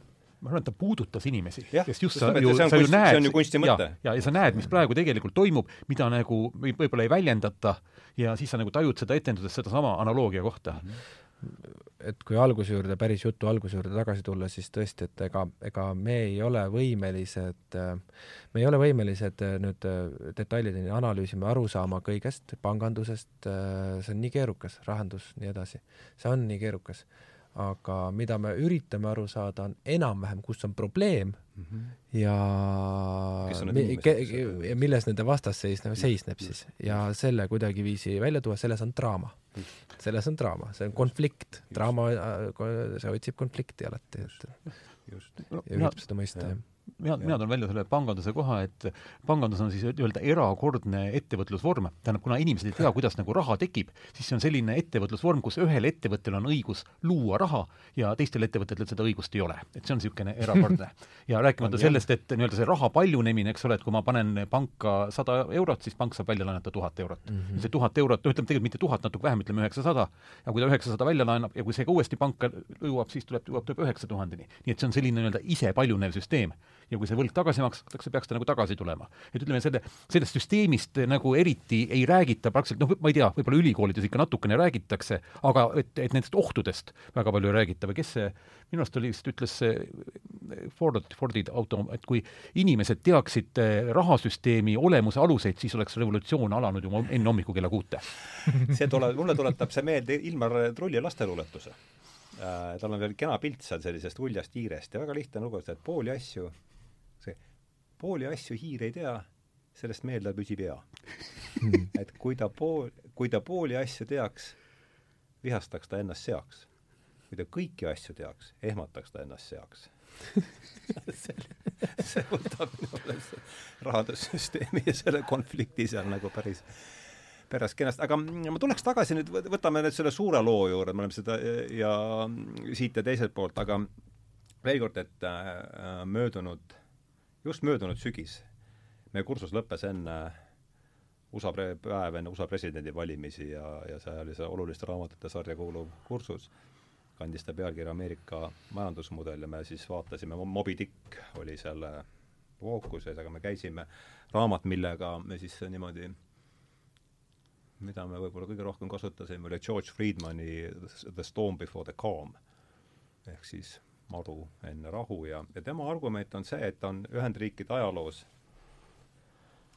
On kolm instituts-, on kaheksakümneaastased institutsionaalsed tsüklid ja, ja, ja siis äh, viiekümneaastased äh, sotsiaalmajanduslikud tsüklid ja kahekümnenda aastate lõpp on nüüd esimest korda, kus mõlema tsükli, mõlemad tsüklid lõpevad üheaegselt, et mm et esimene institutsioonne tsükkel, see kaheksakümne aastane, lõpeb siis USA konstitutsiooni, algab USA konstitutsiooni vastuvõtmisest ja, ja saab siis äh, nüüd äh, lõpeb kodusõjas. ja järgmine tuleb siis muidugi kodusõjast mm -hmm. äh, suure majanduskriisini. ja kolmas siis äh, ei, teise maailmasõja lõpuni. ja, ja nüüd oleme siis, ja nüüd on siis kolmas on see kolmanda, kolmas tsükkel on nüüd kestnud siis esimese maa-, või teise maailmasõja lõpust kuni siis noh, praeguse ajani no., ma ütlen, need sotsiaalmajandustsüklid olid, esimene oli siis jällegi konstitutsiooni vastuvõtmises kuni Jacksonini, Jacksonist äh, siis Hayesini, kes oli, ütleme ka sinna kullastandardini minekuni, kui ma nüüd õigesti mäletan. siis kas oli esimese maa, esimene maailmasõda,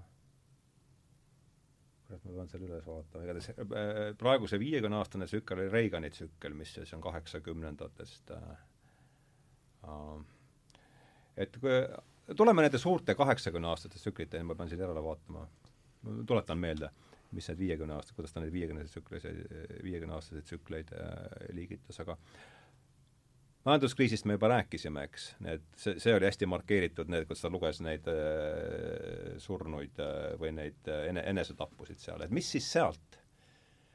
keskenduks nüüd sellele viimasele otsale. mul ei tule äh,, mis, see on nüüd tõenäoliselt kolmas vaatus juba, eks, kuidas teine vaatus lõppes? teine vaatus lõppeks kahekümne üheksanda aasta kriisiga mm -hmm.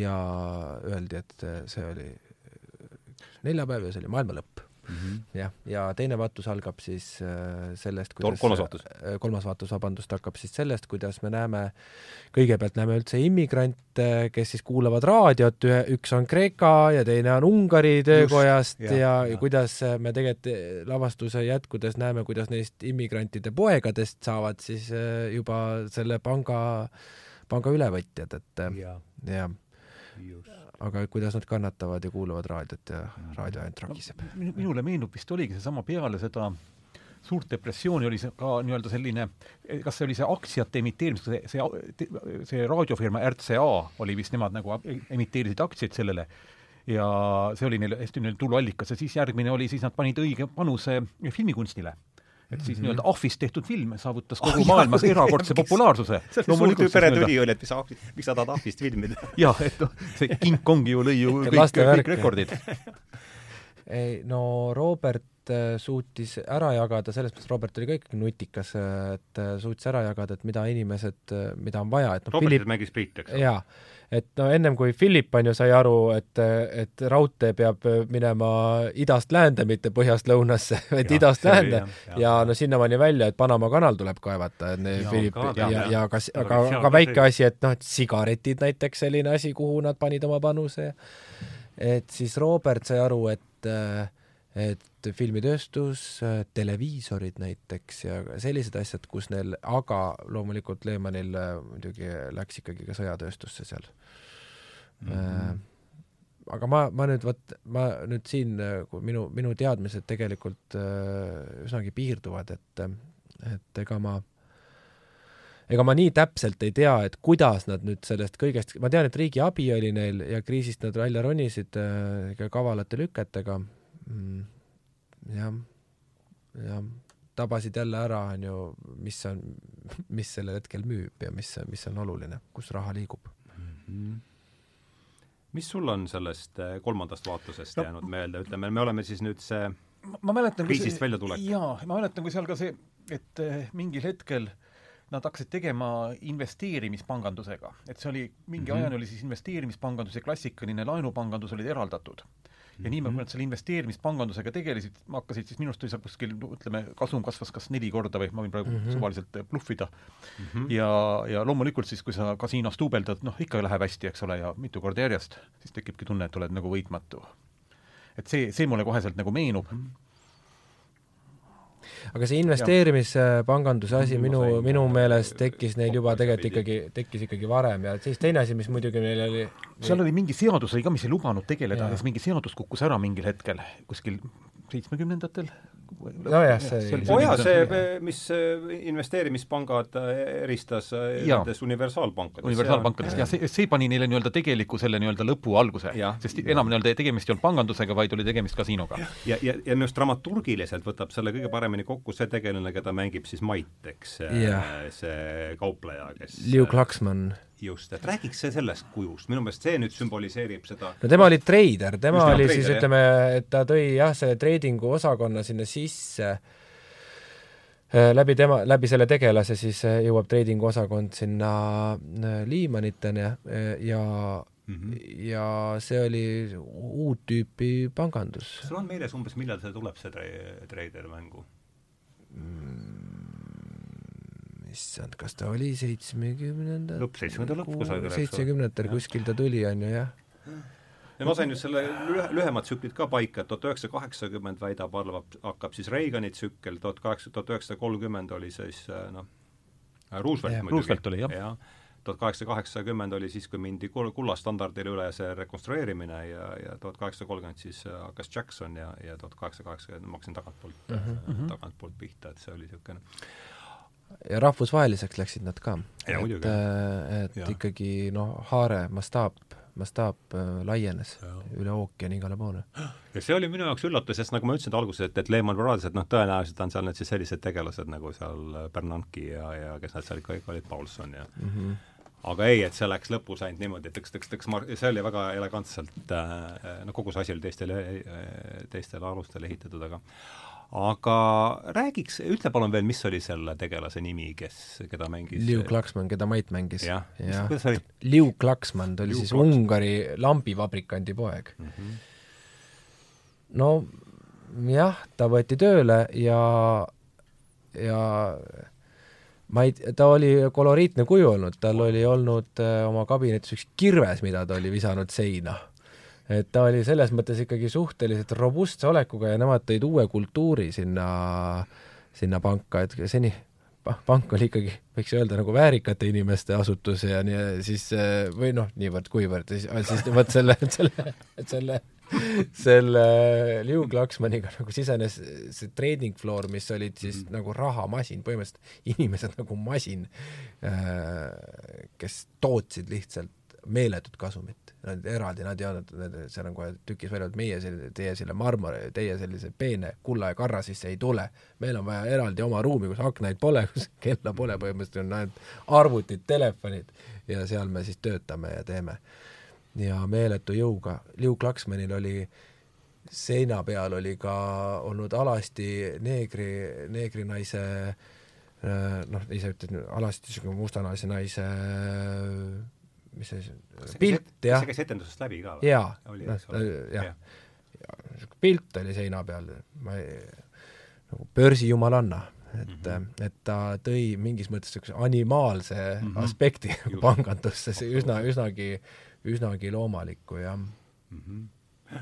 see tundub, et äh, kui selle, selle äh, George Friedmani mm, teoreetilise raamistikus, et see tundub seda, just seda Reagani, Reagani tsüklit äh, hästi äh, kuidagi kokku võtvat, et mis sul sellest tegelasest on meeles ja ja palju sul, kuidas ta, see haakub sellega, sa oled ju siin ka välja peal äh, jaa, ta haakub kud- kuidagi väga, mul kohe midagi ei ole teha, kohe tuli mul esimesena pildina ikkagi see nii-öelda iseenda ka selline, ma nimetaksin hulluks minek.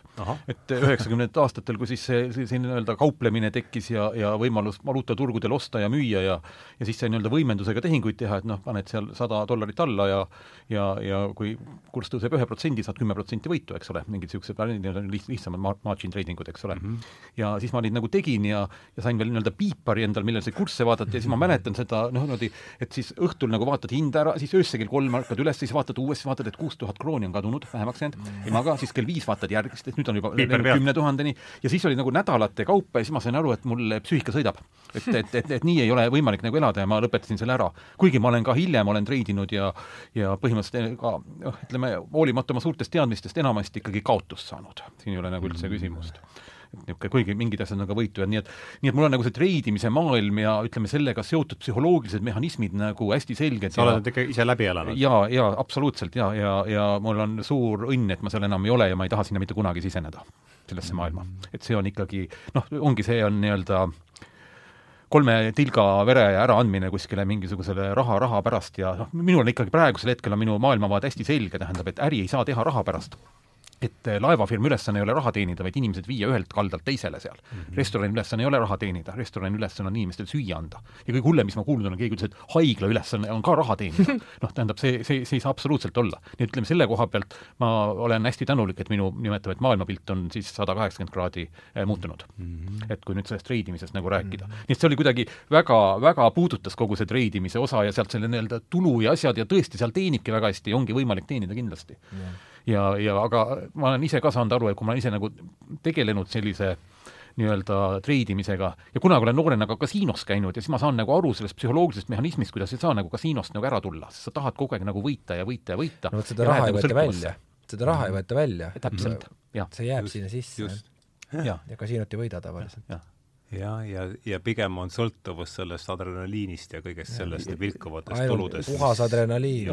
ja, ja see on see emotsioonid, mis on inimsuhetes puudu, siis seda viiakse välja, saab mingisuguse nii-öelda kompensatsiooni sealt mm -hmm. sealt teisest kohast ja ma mingil hetkel sain aru, et kui lihtne oleks mängida ka kogu minu elu jooksul teenitud äh, raha maha valuutaturgudel. et see on, see on imelihtne. nii et selles mõttes ma noh, ütleme nüüd enam küll ei ole, ütleme üle kahekümne aasta ei ole niisugust või kahekümne viie aasta niisuguseid mõtteidki isegi enam nagu läbi käinud, aga ma saan aru nendest psühholoogilisest mehhanismidest, mismoodi võetakse riskid, mis hävitavad kogu ettevõtte. mul ei ole mitte midagi imelikku selles, et see Lehman Brothers nagu pankrotti läks. lihtsalt tasand on absoluutselt teine mm.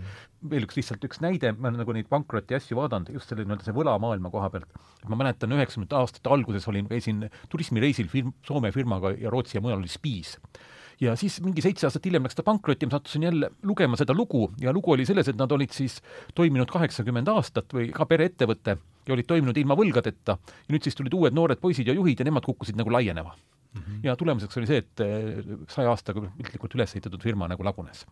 nii et eh, noh, see on see, et võlg on võõra oma, on ju nagu esimene, esimene termin niisugune, millest tuleb mm -hmm. nagu aru saada aga noh, maailm ongi praegu tagurpidi, see on nagu lihtsalt, lihtsalt me olemegi hetkel sellises kohas. aga kena, tuleme selle tehnilisse teatrisse tagasi, et etendus peab nüüd hakkama lõppuma kuidagi, ma kujutan ette, see kirja, kirjatükis on ju sama loogika, et etendus hakkab nüüd lõppema, me peame hakkama nüüd andma mingeid selliseid no, tõmbame otsad kokku. ja vihjeid, et kuidas mm -hmm. see nüüd asi nüüd siis kogu, et kuidas te seda lahendasite?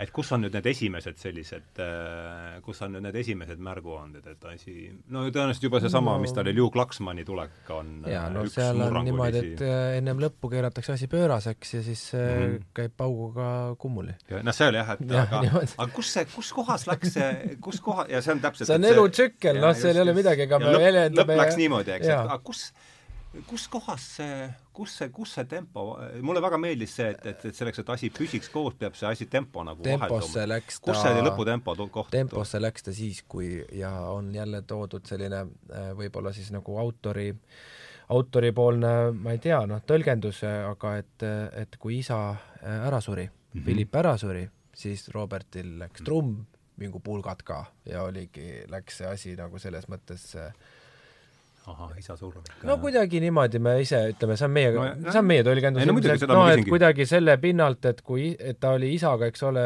ikkagi eluajal konfliktis ja kõik nii edasi, aga et samas noh, kui sul alustala alt ära kaob, siis sa oledki õhus järsku. ja ta jäigi õhku kuhugile rippuma, lendama ja tantsis ja tahtis igavesti noor olla ja Robert? Robert, jah. ahah, see ka ja. seal, jah? no see tants on igavesti noor, jah mm. -hmm. Ja see on, äh, ma arvan, ka päris oluline komponent selles. soov olla igavesti noor mm, -hmm. igavesti elus, igavene mm. -hmm. igavene. sest kui sul kõik nagu raha on olemas, mis sa siis järgmiseks soovid uh? -huh. igavene tahaks olla. ja, ja, ja just igavesti noor. monument, midagi, igavesti noor. vot seesama USA psühholoog, kellega ma seal olen viimasel ajal põhjalikult äh, tege-, või noh, mõnevõrra põhjalikult, James Hillman, tema on öelnud, et äh, kui me tooksime, et kõige sellise õõvastavama statistika, statisti-, statistilise näitaja Ühendriikide kohta, et siis tema arvates on see, ta ütles, ma ei mäleta, ma pean ära vaatama, ma enam-vähem tean ka, kus see on. aga et see oli mingi täiesti mü-, müstiline osakaal meestest, kes ütles, et, et kui neil oleks valida, millises äh, vanuses nad tahaksid jääda, et siis mingi ma, ei mäleta täpselt seda, seda protsenti, aga et äh, väga suur osa vastanutest sooviks olla vanuses kuusteist kuni üheksateist. ja tema nimetas, et see on kõige õudsem et selles on midagi ja see kuidagi, see oli esimene asi, mis mul tuli meelde. see on tema loengus äh, Miks me peaksime tundma huvi Kreeka müütide vastu, vist on seesama mm väga-väga kütkestav, väga-väga kütkestav loeng. miks me peaksime tundma huvi Kreeka? James Hillman ja Why We, Why We, saadan pärast selle, et ähm, jah, see on ähm, aga milliste teiste lavastustega, loetud, nähtud, mõeldud lavastustega see, kui nüüd otsida lähimat sugulast? haakub? jah ma arvan, et, et eks seal on neid äh, side, kude, ühesõnaga seda sideainet on äh, siin-seal, et, et ma tegelikult isegi, ma võib-olla tooksin enda jaoks kõige lähema paralleeli ikkagi see, et ma tegin kaasa seriaalis Pank. et mul lihtsalt sealt kuidagi see teema ja ma mängisin seal treiderit, on ju, et, et et mul sealt kuidagi see teema jäi äh, kuklasse, nii et ma, ja ma arvan, et sellest oli väga palju kasu, et meil seal tegelikult me rääkisime sellel teemal ja, ja, ja, ja üldse oli hariv oli selles kaasa teha, et et, et ma arvan, et üks, üks nagu tõsine side on seal, teistpidi võttes, mis puudutab lava, suurt lava, siis mul on endal olnud lavastus Väljaheitmine, mis räägib, see nüüd varsti lõpeb ära, aga see on juba viis, juba varsti saab kuus aastat täis. ja see on mu esimene, esimene suur lavastus, et ma ise tunnetan nagu mingisugust seotus ka seal, see on niisugune tehnilist laadi rohkem võib-olla suure lava kasutus ja nii edasi, sellised mm -hmm. asjad, aga, aga, aga ka ühtlasi lugu, lugu ka, lugu ka immigrantidest, kes siis äh, lähevad võõrasse riiki ja kuidas neil siis nagu hakkama saamine, lihtsalt lugu on kapitaalselt erinev võrreldes sellega, et väljaheitmises läheb halvasti, kellel läheb halvasti ja kellel läheb väga halvasti. ja Lehmanis on, kellel läheb hästi, kellel läheb väga hästi. kuigi Kuni lõpp on ikkagi, ikkagi jah, ma ei oska öelda, aga üldiselt ega, ega iga lavastus on oma maailmaga, oma, oma maailmaga, iseseisev, suveräänne ja noh, ma usun, et mul mingisugune ilmselt äratuntav käekiri kõrvaltvaataja jaoks on, midagi ma kordan. aga jah, iga, iga, iga lavastus on oma maailm mm, -hmm. oma maailm. sama, sulle sama küsimus, et mis on, tuleb sellise lähima sugulasena, ükskõik mis on. Ja lihtsalt, eh, mida ma nagu seal tajun, nüüd niisugune asi, et eh, just nagu läbi et eh, nagu tuleb vaadata mitte sündmusi, vaid nii-öelda protsesse, et siin on ikkagi tegemist sellise saja kuuekümne aastase protsessiga. Ja mõista, et ütleme ka kõik need sündmused ja asjad, mis ümbergi käivad, ei ole mitte ühekordsed sündmused, vaid protsessid. et äh, ma ei oskagi praegu nagu noh, nagu näiteid võib-olla tuua, aga noh, noh, on kindlasti oleks huvitav ka näiteks noh, Rothschildide elulugu näha kuni tänase päevani, eks ole, tegelikult, sest noh, nemad hoiavad nagu varju praegusel hetkel. et aga kui nagu noh, teatrietenduste kohta ma ei oska öelda, aga noh, loomulikult filmikunstist on nagu Big Short, mis seda nii-öelda lõpuosa Big Shorti ma ei olegi näinud vist see on jaa, see on, no see on otse siis sellest lõpuotsast jah, põhimõtteliselt. ja, ja ta on ikka väga Bernanke ja kõik need tegelased, eks ole. ja, ja, ja väga super, super film ja ka näitab ära, aga meie see, ütleme, maailm ongi keskendunud mingisugusele sündmusele, öeldakse, et toimus niisugune sündmus, nüüd aktsiaturud tõusid või langesid midagi. aga pigem tuleks kõiki asju vaadata mitmesaja-aastases protsessis ja mulle väga meeldis see. ja noh, loomulikult, mida mina siit nagu tajun, on see, et kui siis nii-öelda viimane viim-, viimane Lehman nagu lahkus pangast, see oli siis mingisugune seitsmekümnendatel või kaheksakümnendatel, oli vist mm. -hmm. et eh, peale seda siis ikkagi süsteem ei jäänud püsti, sest puudub eh, vastutaja puudub see, kes nii-öelda hingega on asja juures, kõik tahavad teenida raha ja kõik on valmis võtma suuremat riski, kui see nagu ei vaata nendele ohtudele. et noh, klassikaliselt on ju öeldud, eks ole, nende diilerite puhul, kes on see Nomura pankrotti viisid, et ühel pool on kaalukausil on sul võimalus teenida kakssada miljonit dollarit omale palka ja teisel kohal on firma pankrot ja ohuga äkki võid saada tingimisi karistada, noh, siis ta valib selle tõenäoliselt, et kakssada miljonit äh, teenida mm. -hmm. et, et see jääb, jäi mulle nagu hästi, hästi tugevalt kõlama. aga jah, see nii-öelda pikk narratiiv mulle väga, väga meeldis, et selline noh, nii-öelda nimetame eepiline lugu ikkagi. ikka täiesti, see, see oli selles asja suurim, sest no ikkagi lõpuks ma ei tea, kuidas sinu kogemus on, aga tundub, et kui ikkagi lugu ei ole, on teatrit ka ikka raske teha või? jube raske.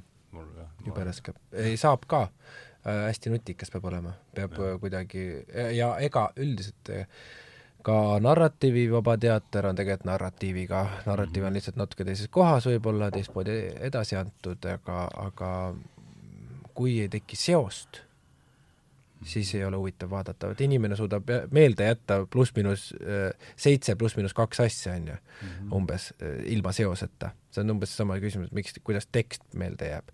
see on, see on, äh, see on alati, see seostub millegiga. Mhm. seosed, seosed, seosed, seosed ja narratiiv on tegelikult seoste loomine lihtsalt ühe sellise noh, et, et aju nagu suudaks kuidagiviisi mingi järeldusega võib-olla teha sellest kõigest ja nii edasi. jah mulle, minule vist oleks e-, esimesena, kui me peaks otsima paralleeli ikkagi Buddenbrooki vastu.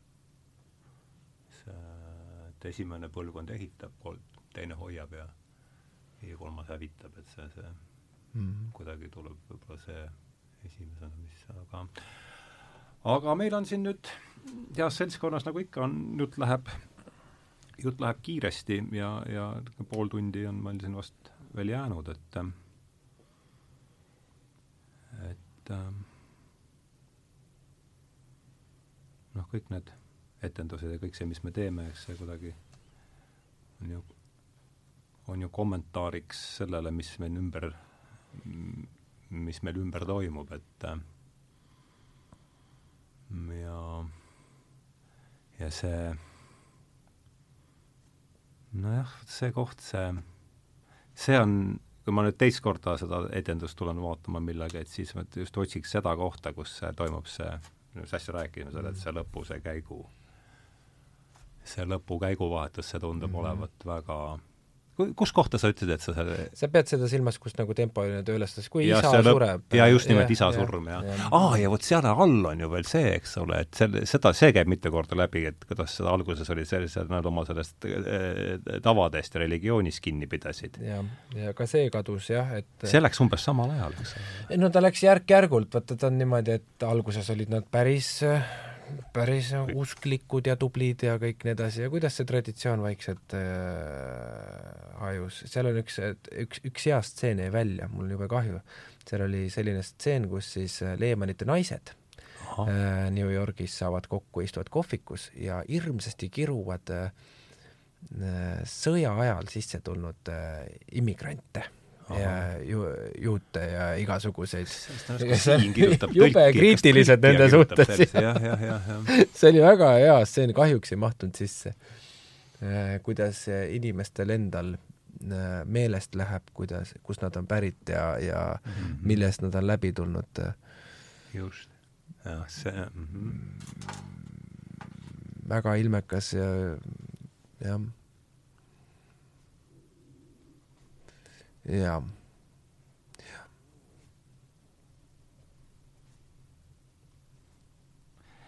Um, no vot um,. Uh, ma ei ole siin originaalne, aga mulle tundub, et see, mis me, see, mille keskel me siin oleme uh,, ikkagi paljuski saab alguse aastast kaks tuhat kaheksa, et see noh, see tohutu polariseerumine uh, ja see saab ikkagi alguse kahe tuhande, kahe tuhande kaheksandast aastast. just selle, et see, see IMF-i endine pea, mis nad on, peadirektorid seal või? ei, ta olnud peadirektor, ta oli peaökonomist. tema oma raamatus, noh, see on tema see raamat, mis see oli, Fault Lines või? et, et noh see on see tema on üks esi, üks noh, mulle kõige rohkem meeldiks neid teisi, kes on sama, sama argumendiga tulnud välja, aga et noh, et selle kahe tuhande kaheksandani oli kuidagi noh, kuidagi oli see võlakardin äh, ja see noh, kõik see, mis, mis, mis seal siis katki läks, see kuidagi varjutas ära selle tõsiasja, et lambaid ja hunte on võimalik ühes laudas äh, pidada pikka aega et pärast seda kahte, kahte tuhande kaheksat on see illusioon purunenud, see on toonud kaasa, see on toonud kaasa sellise terava polariseeru-, polari-, por-, polariseerumise ja, ja selle keskel me siin, siin praegu oleme ja ja noh, nüüd see, see, millega seda praegu üritatakse lahendada, on, on keskpankade bilansid, eks ja, ja noh, sealt see tõenäoliselt on nüüd see järgmine, järgmine vaatus saab olema inflatsiooniline. Ja ja noh, ma olen siin ise äh, oma peaga koostanud kaks äh, sellist äh, olulist statistilist näitajat, üks on globaalne minestamissuutlikkuse indeks ja ja teine on äh, globaalne nördimisvalmiduse indeks ja mõlemad on niimoodi üheksakümne üheksa protsendilise korrelatsiooniga ja ja, ja noh, mind, ma olen seda mitu korda selles saates rääkinud, et et kui kaks tuhat kuusteist ma selle seltsi asutasin, et siis mind huvitas, et miks need indeksid tõusevad, noh, seda oli tunda aa, niimoodi iga juurakuga, et see et see üleüldine närvilisus, üleüldine no seesama nördimisvalmidus ja minestamissuutlikkus, need kasvasid järjest kuni nüüd siis kaks tuhat kakskümmend mm -hmm. viskas stratosfääridesse täpselt samuti, nagu vaadata need keskpankade bilansse, et et mulle tundub, et siin on midagi sarnast selle tempovaheldusega, tempovaheldusega seal pärast Roberti, Roberti surma, et aga rääkige mulle teie, rääkige mulle teatriinimesel, rääkige nii, mi-, kuidas siis tuleb järgmine kriis ja milline ta tuleb? No, kes see no Alar, ole hea, sa no, oled no mina, mina ei tea, kuidas tuleb, ma olen sellest küll loengut pidanud, aga praegu ma lihtsalt nagu mõtlesin, mõtlesin selle, selle kaks tuhat kaheksa lõhenemise peale ja, ja ma toon siia veel ühe koha, tähendab, et noh, minu, mulle meeldib väga sõna tõde ja ütleme, kaks tuhat üksteist on toimus maailmas üks niisugune sündmus, kus siis nagu mingi, nimetame nii, et tõde hakkas nagu mingil määral päevavalgele tulema, see oli siis Snowden, kes siis andis, pani Ameerikast minema ja, ja tõi välja kõik selle, kuidas nii-öelda ameeriklased oma inimeste järgi kaks tuhat üksteist kas Snowden oli kaks tuhat üksteist? kaks tuhat üksteist oli minu teada, kuidas inimesed nii-öelda või riik nii-öelda luurab oma inimeste järgi ja nagu ta ise selles filmis, mis Snowdenist on tehtud Oliver Stone'i puhul, mida tasub, tasub kõigil vaadata, siis seal ta ütles ka, et muidu nagu jälgimine on õige, aga siis, et kogutakse andmeid Hiina haiglate kohta ja asjade kohta, mis nagu absoluutselt ei klappinud ja kuidas siis tema enda kohta nii-öelda teda, tema nii-öelda naiskaaslast nagu jälitati ja anti talle mingit infot. nii et ta nagu mingil hetkel ta sai aru, et süsteem ei ole nii-öelda noh, kui sa töötad mingis sisekaitses või nii-öelda oma riigi, riigi hüvanguks, eks ole, KGB-s või kuskil, sulle endal tegelikult tundub, või kaitsepolitseis, et sa töötad oma riigi jaoks mm. -hmm. ja ka sellel hetkel ta nagu märkas, et enam need asjad ei ole päriselt nii ja seal hakkas nagu midagi nagu muutuma, sinnamaani oli kõik nagu ühtne ja siis järgmine oli see, eks ole, et Venemaa võttis ju ka siis nii-öelda Snowdeni endale ära, sealt läks nii-öelda Ameerikaga läks konfliktiks lahti, nii-öelda nimetame selline nii-öelda poliitiline konflikt on nagu hetkel on ka minul, minu arust mitte küsimus üldse nagu majanduses praegusel hetkel. küsimus on ka nii-öelda poliitiliste süsteemide arengus. ja, ja et noh, erinevad teooriad ütlevad, mõned teooriad ütlevad ka seda, et iga põlvkond saab sõja, et kas sa saad selle lapsepõlves, keskeas või vanureas mm. -hmm. et, et noh, et praegu on ju, ei ole ju, noh, selge on ju, maailm valmistub praegu sõdima sõdima. siin mm -hmm. ei ole nagu mitte mingit, mingit küsimust. fraseoloogia on õhus. jaa, et see, et seda me võime, noh, peame, peame eitada. ja, ja mis ma nagu, nagu näen, ma vaatan ka seda kollektiivset maailma ja kollektiivset mõttemustrit ja ütleme noh, toome lihtsama näite nagu majanduses. Et et mõtetega on lihtsalt küsimus selles, et kui sul on mingi alusmõte on vale, siis kõik järgnevad mõtted sinna peale on olemas ka nii-öelda vildakad mm. -hmm. ja kui nii-öelda noh, ütleme majandussüsteemis on praegu alusmõte, et, et saab tekitada rikkust õhust mm, -hmm. et saab lasta nii-öelda võlapõhiselt rahakäibele mm. -hmm. kogu maailma kahe tuhande kuuesaja aastase nii-öelda rahandusajaloo juures on see nüüd esimest korda selline, ma nimetan eksperiment, et mitte kunagi maailma ajaloos pole olnud, on alati olnud kas mingi väärismetalli standard.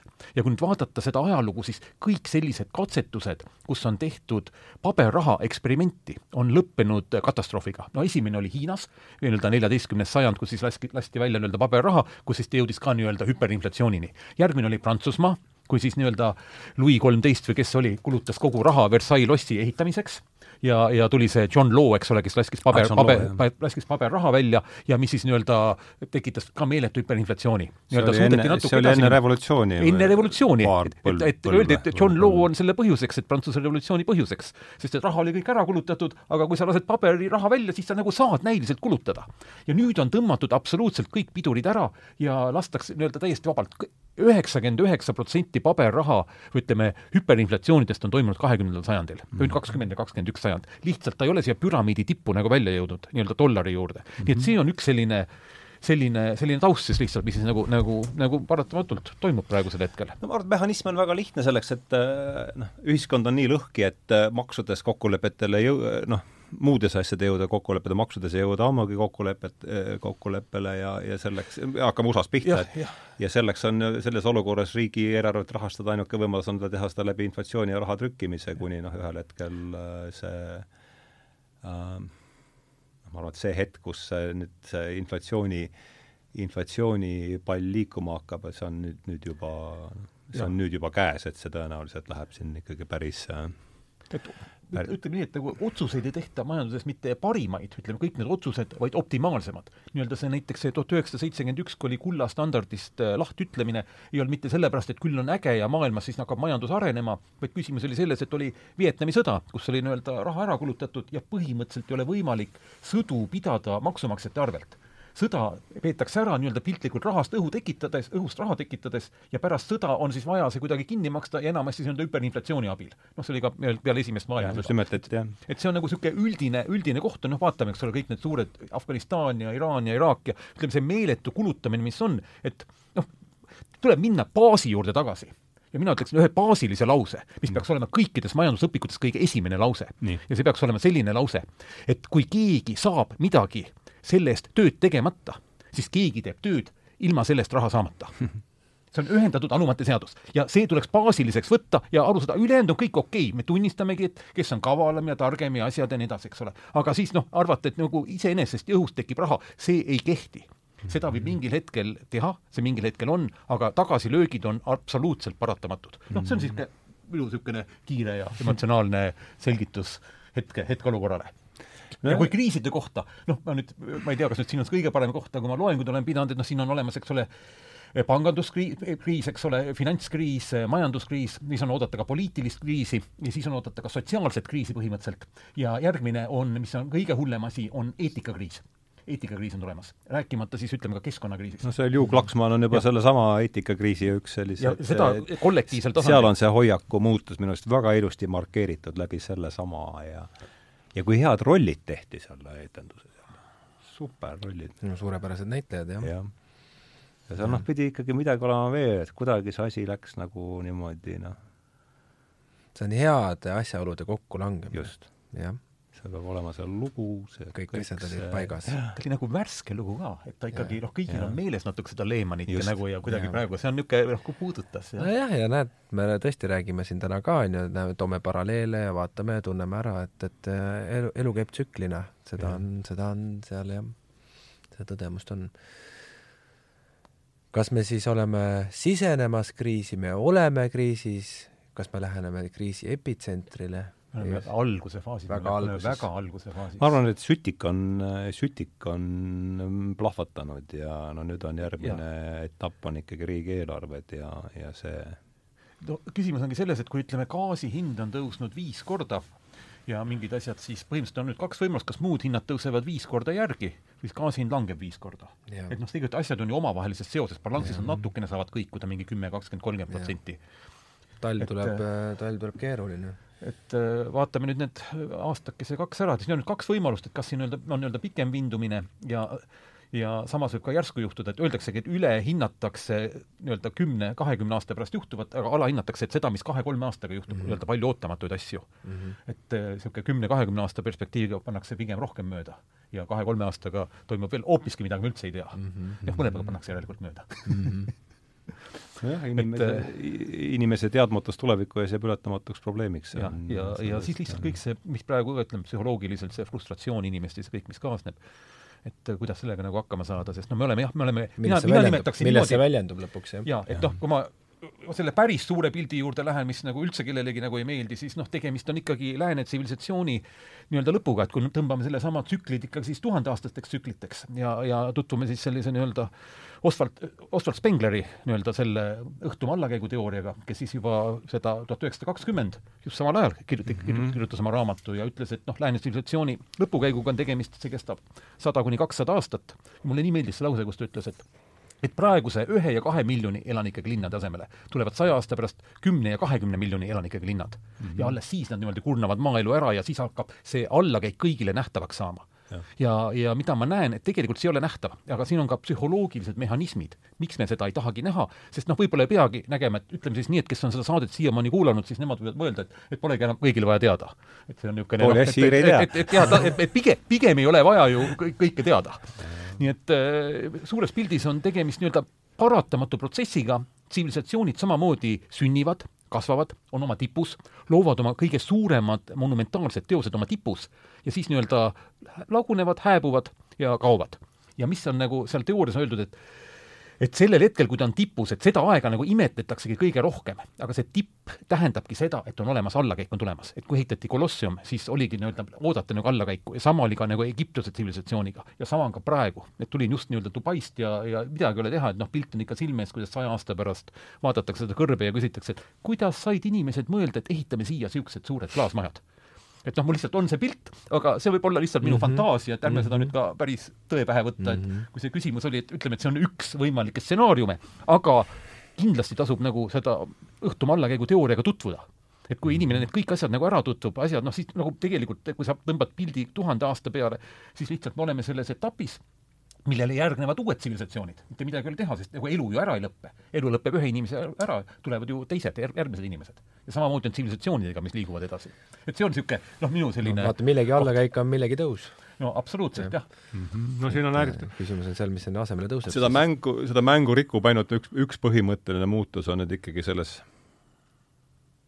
kui me ütleme, et see kolmas tsükkel algas pärast teist maailmasõda, et üks suur muutus on ikkagi see, et nüüd on meil tuumarelvad et see, ka... see muudab selle asja nagu ikkagi tõsisemaks jah, sest noh um... mina ütleks juurde, et ja tekkimas on tehisintellekt mm -hmm. ka, kui ta veel ei ole nagu tekkinud, sest ta on ikkagi praegusel hetkel kõik see, mis seal internetis ja nii-öelda seal toimub, toimub seal miljardeid kordi inimteadvusest kiiremini. nii et siin on, on olemas kaks niisugust suurt muutust, mille kohta me nagu saame lihtsalt ka vaadata, mis nagu edasi järgneb ja noh, mina, mulle tundub, mulle tundub ka, et ikkagi see, et me läheme suunas, kus me peame oma baasmütoloogia lihtsalt välja vahetama ja noh, see, et see ja see on mõte, kuhu mina olen jõudnud alles siin viimastel aastatel, et äh, ma polnud kunagi varem niimoodi mõelnud, et kõik see meie elukorraldus, see ikkagi rajaneb mingil lool, eks, mingil äh, noh, mingil baasfantaasial selle kohta, mis, mis üldse õues toimub ja, ja ma arvan, et me oleme kiiresti need, see, mis meil siin ees seisab, hakkab meid suunama selle, viima selle baas, baasmütoloogia, baasmütoloogia vahetuse suunas. sellest on kirjutanud siin noh, Charles Eisenstein, kellest me oleme teiste hulgas, kelle me oleme siin õige mitu saadet äh, pühendanud ja just see, tema nimetab seda, ingliskeelne väljend on the age of separation, äh, et see on nüüd läbi saamas, et see, et noh, et me oleme niisugused noh, üksikud piljardikuulikesed, kes on noh, eneseküllased ja, ja see, see, see ego, mis hoiab meid koos ja, ja noh, mina ja versus äh, muu maailmaga, et see, need piljardikuulikesed hakkavad siis noh, kuidas nüüd kuidagi visualiseerida sellisteks lahustama selliseks ühtlaseks kangaks, kus on võib-olla ainult need sõrmekesed sees, et ja, ja noh, tema meil oli tast eelmisel sügisel või kevadel eraldi kursus ja ja ta on ütlenud just see, et et see pomm, pomm iseenesest on, äh, on see pea, peamine tehnoloogiline muutus, mis noh, mis toob selle kaasa, et me oleme siin kõik lõpuks koos, sest meil on, et äh, ja, ja see see on mingi täiesti müstiline, see kuuekümnendal aastatel see mm, kõige suurem kärakas, mis on tehtud, selle vist, ma ei mäleta enam neid täpseid numbreid, ma ütlesin, see on tuhat korda suurem kui see, mis äh, Nagasakile visati. ja neid on ju siin noh, šahtides niimoodi, et noh, ma sellest aastast on kuuskümmend aastat nii-öelda ka tehnoloogiaid arendatud, et kuhu mm üldse nagu praegusega jõutud on, me isegi ei tea, eks ole. et see noh, minu jaoks on kogu sõjatööstus on ikkagi psühholoogiline haigus et ütleme, et üks liik tapab oma liigi esindajad, mitte ükski looduses ei ole nii vägivaldset liiki, kui on inimene. et siin on ikkagi mhm. mingi tegemist kollektiivse mingisuguse väga tugeva neuroosiga või mingit, see on juba ja tundub, et neuroos võtab äh, noh, võtab, äh, võtab hoogu vist on see, seda vist võime no, küll. jaa, pigem on juba liginemine kollektiivsele noh, psühhoosile võib minna üle ja seda on ka ajaloos nagu varem olnud, ütleme kõik need nii-öelda revolutsioonide aeg ja Prantsuse revolutsiooni ajal seal giljotiinid ja et kuhu, kuhu see nagu praegu liigub, et noh, saab ainult, mina ütleks, saab ainult palvetada, ega siin mm. palju midagi muud teha ei ole. jah, selles suhtes äh, et läheb küll niisuguseks nagu tumedamaks praegu see küsimus, aga, aga kui sa, kui sa ütleme, et nii, et see oli sinule vastus, et nüüd sa saad nagu kuskil edasi minna, et kuidas need kriisid nagu tulevad, et et noh, ütleme, et see on üks võimalusi, et see ei pea nii olema. võtame, jätame selle variandi ka ülesse. no ma nüüd no, mõtlen edasi, jah. noh, kõige tõenäolisem on ikkagi ra raha täielik niisugune see, see tuleb esimesena või noh, see ankur kaob, siis see toob kaasa, eks ole, noh, suure hüper, hüperinflatsiooni tingimustes, noh see ja või siis ütleme kaovad, Hiina eks ole, igasugune pidepunkt, inimesed kaotavad oma noh, vara ja sotsiaalse positsiooni ja siis on mm -hmm. noh, siis on see, millest me räägime, eks seal selles olukorras, kus see kuberner on oma ka-, katkise lipuga seal, eks ole, et need on ja, ja Hiina et, ja nii-öelda sõjakohad, eks ole, kui seal nüüd ikkagi Taiwanit või midagi, et siin on niisuguseid niivõrd palju erinevaid kohti on maailmas praegu. no igast ja ragiseb asi igalt, igalt poolt, igalt poolt, jah. aga kena, et äh, katsume nüüd siis kümmekond minutiga asja kokku võtta, et jaa, lähme positiivsemaks, et ikka lähme siia maailma tagasi ja apokalüptiliseks, jah?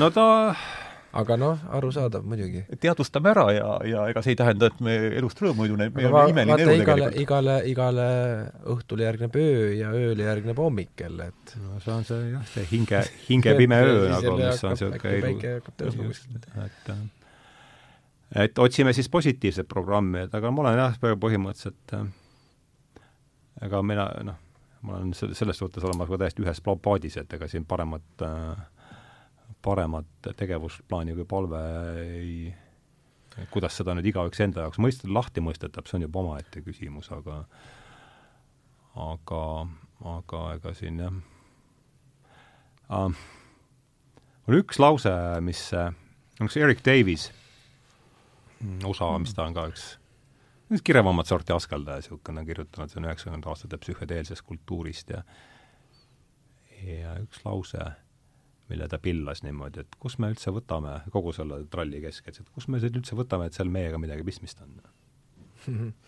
oh,.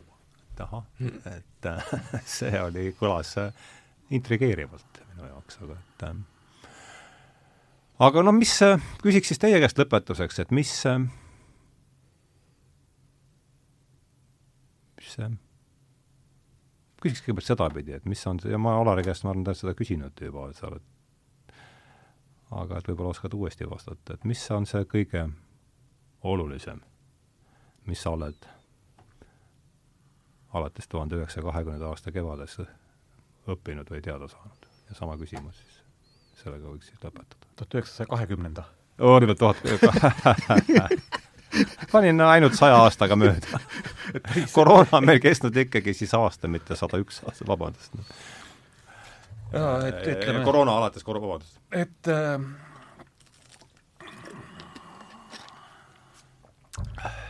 et äh, ütleme siis, kui ühe lausena öelda, siis et see, et äh, inimkond ei õpi midagi oma eelnevatest kogemustest, et see lihtsalt on saanud nagu järjekordselt minu jaoks nii-öelda kinnitust, ma nimetan just sellisest nii-öelda mõtete lappama minekuks, kus siis võib-olla baasmõte on vale, et noh, mõte on ju selles, et kui algne mõte on vale, siis inimene hakkab moonutama reaalsust, et kõik järgnevad otsused sellega nagu kooskõlas oleks mm. -hmm. et, et see on äh, baasmüt-, võiks öelda, et baasmütoloogia on vale selles. baasmütoloogia, et kui ma nagu lapsepõlves mõtlesin, et tahaks näha nagu maailmas ühiskondlikku ja arengut ja uut hüpet kuskil uude kohta, nii-öelda olen mõelnud, kuidas tekivad revolutsioonilised situatsioonid ja asjad, siis noh, praegusel hetkel ma siis nagu vaatan, kuidas revolutsiooni tehakse ülevalt poolt allapoole Mm -hmm. et, et noh, seal on siis ütleme, mõtteviisid, seda, mis eelnevalt äh, mõeldi, noh, revolutsioonide puhul, noh, Peter Rimsorokinil on selle kohta ilusti raamat ilmunud. aga sellest sa oled rääkinud palju, ütle veel see raamat on Peter Rimsorokin äh, Revolutsioonide struktuur ja seal kas see on avatud raamatuse või? jah, ja et ta kirjeldab, kuidas siis nii-öelda tuhat üheksasada seitseteist, kui need seal olid, et mismoodi kogu aeg see narratiiv muutus, et ühel hetkel olid siis nii-öelda kõik eel, eelnevad olid vaja ära tappa, ütleme, siis oli vaja sõjaväelased ikkagi tööle võtta, tähendab, ei mäletata seda, mida mäletati umbes pool aastat tagasi. et narratiiv kogu aeg nagu muutub, see on niisugused asjad. ja lihtsalt, kui vaadata neid asju, siis me oleme ka praegult nimetame nii-öelda muutuste situatsioonis, ehk tähendab seda, et maailm kogu aeg kordub.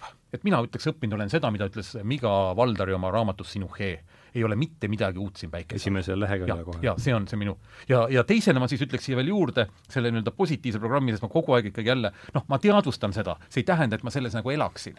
Et mulle meeldib rohkem teadvustada seda, et noh, ma lähen koju, eks ole, ma magan pehmemas voodis kui Kleopatra. see, mhm. milliseid toite ma saan süüa, eks ole, mingisuguseid makapähkleid või asju, seal üle maailma mitte ükski esivanem pole mitte midagi taolist kunagi Ligi saanud. sellised teatrietendused, eks ole, noh, et saab praegu nagu käia, mida siis vanasti oli noh, kuningatel, eks ole, esitati, okei okay,, juba kaheksa kaheksateistkümnes, üheksateistkümnes sajand oli või mujal, kuusteist oli ka, eks ole, Shakespeare. nii et kogu see kunst, kultuur, muusika, mul on võimalik kuulata maailma absoluutselt kogu muusikat, kõike.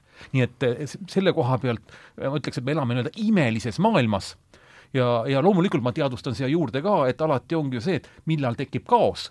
kaos tekib alati siis, kui on ülim korrastatus et ma ei tea, kas see täpselt see katse oli, aga kui panna, ma proovin aga pannile panna õli, siis vahetult enne seda, kui ta keema läheb ja aurama segi läheb, tekivad ilusad kuusnurksed mustrid. nii et eh, praegu see ülim korrastatus on siis lihtsalt ka, et, et aga ma rõõmustan selle üle, et ma siin hetkel ikkagi olen.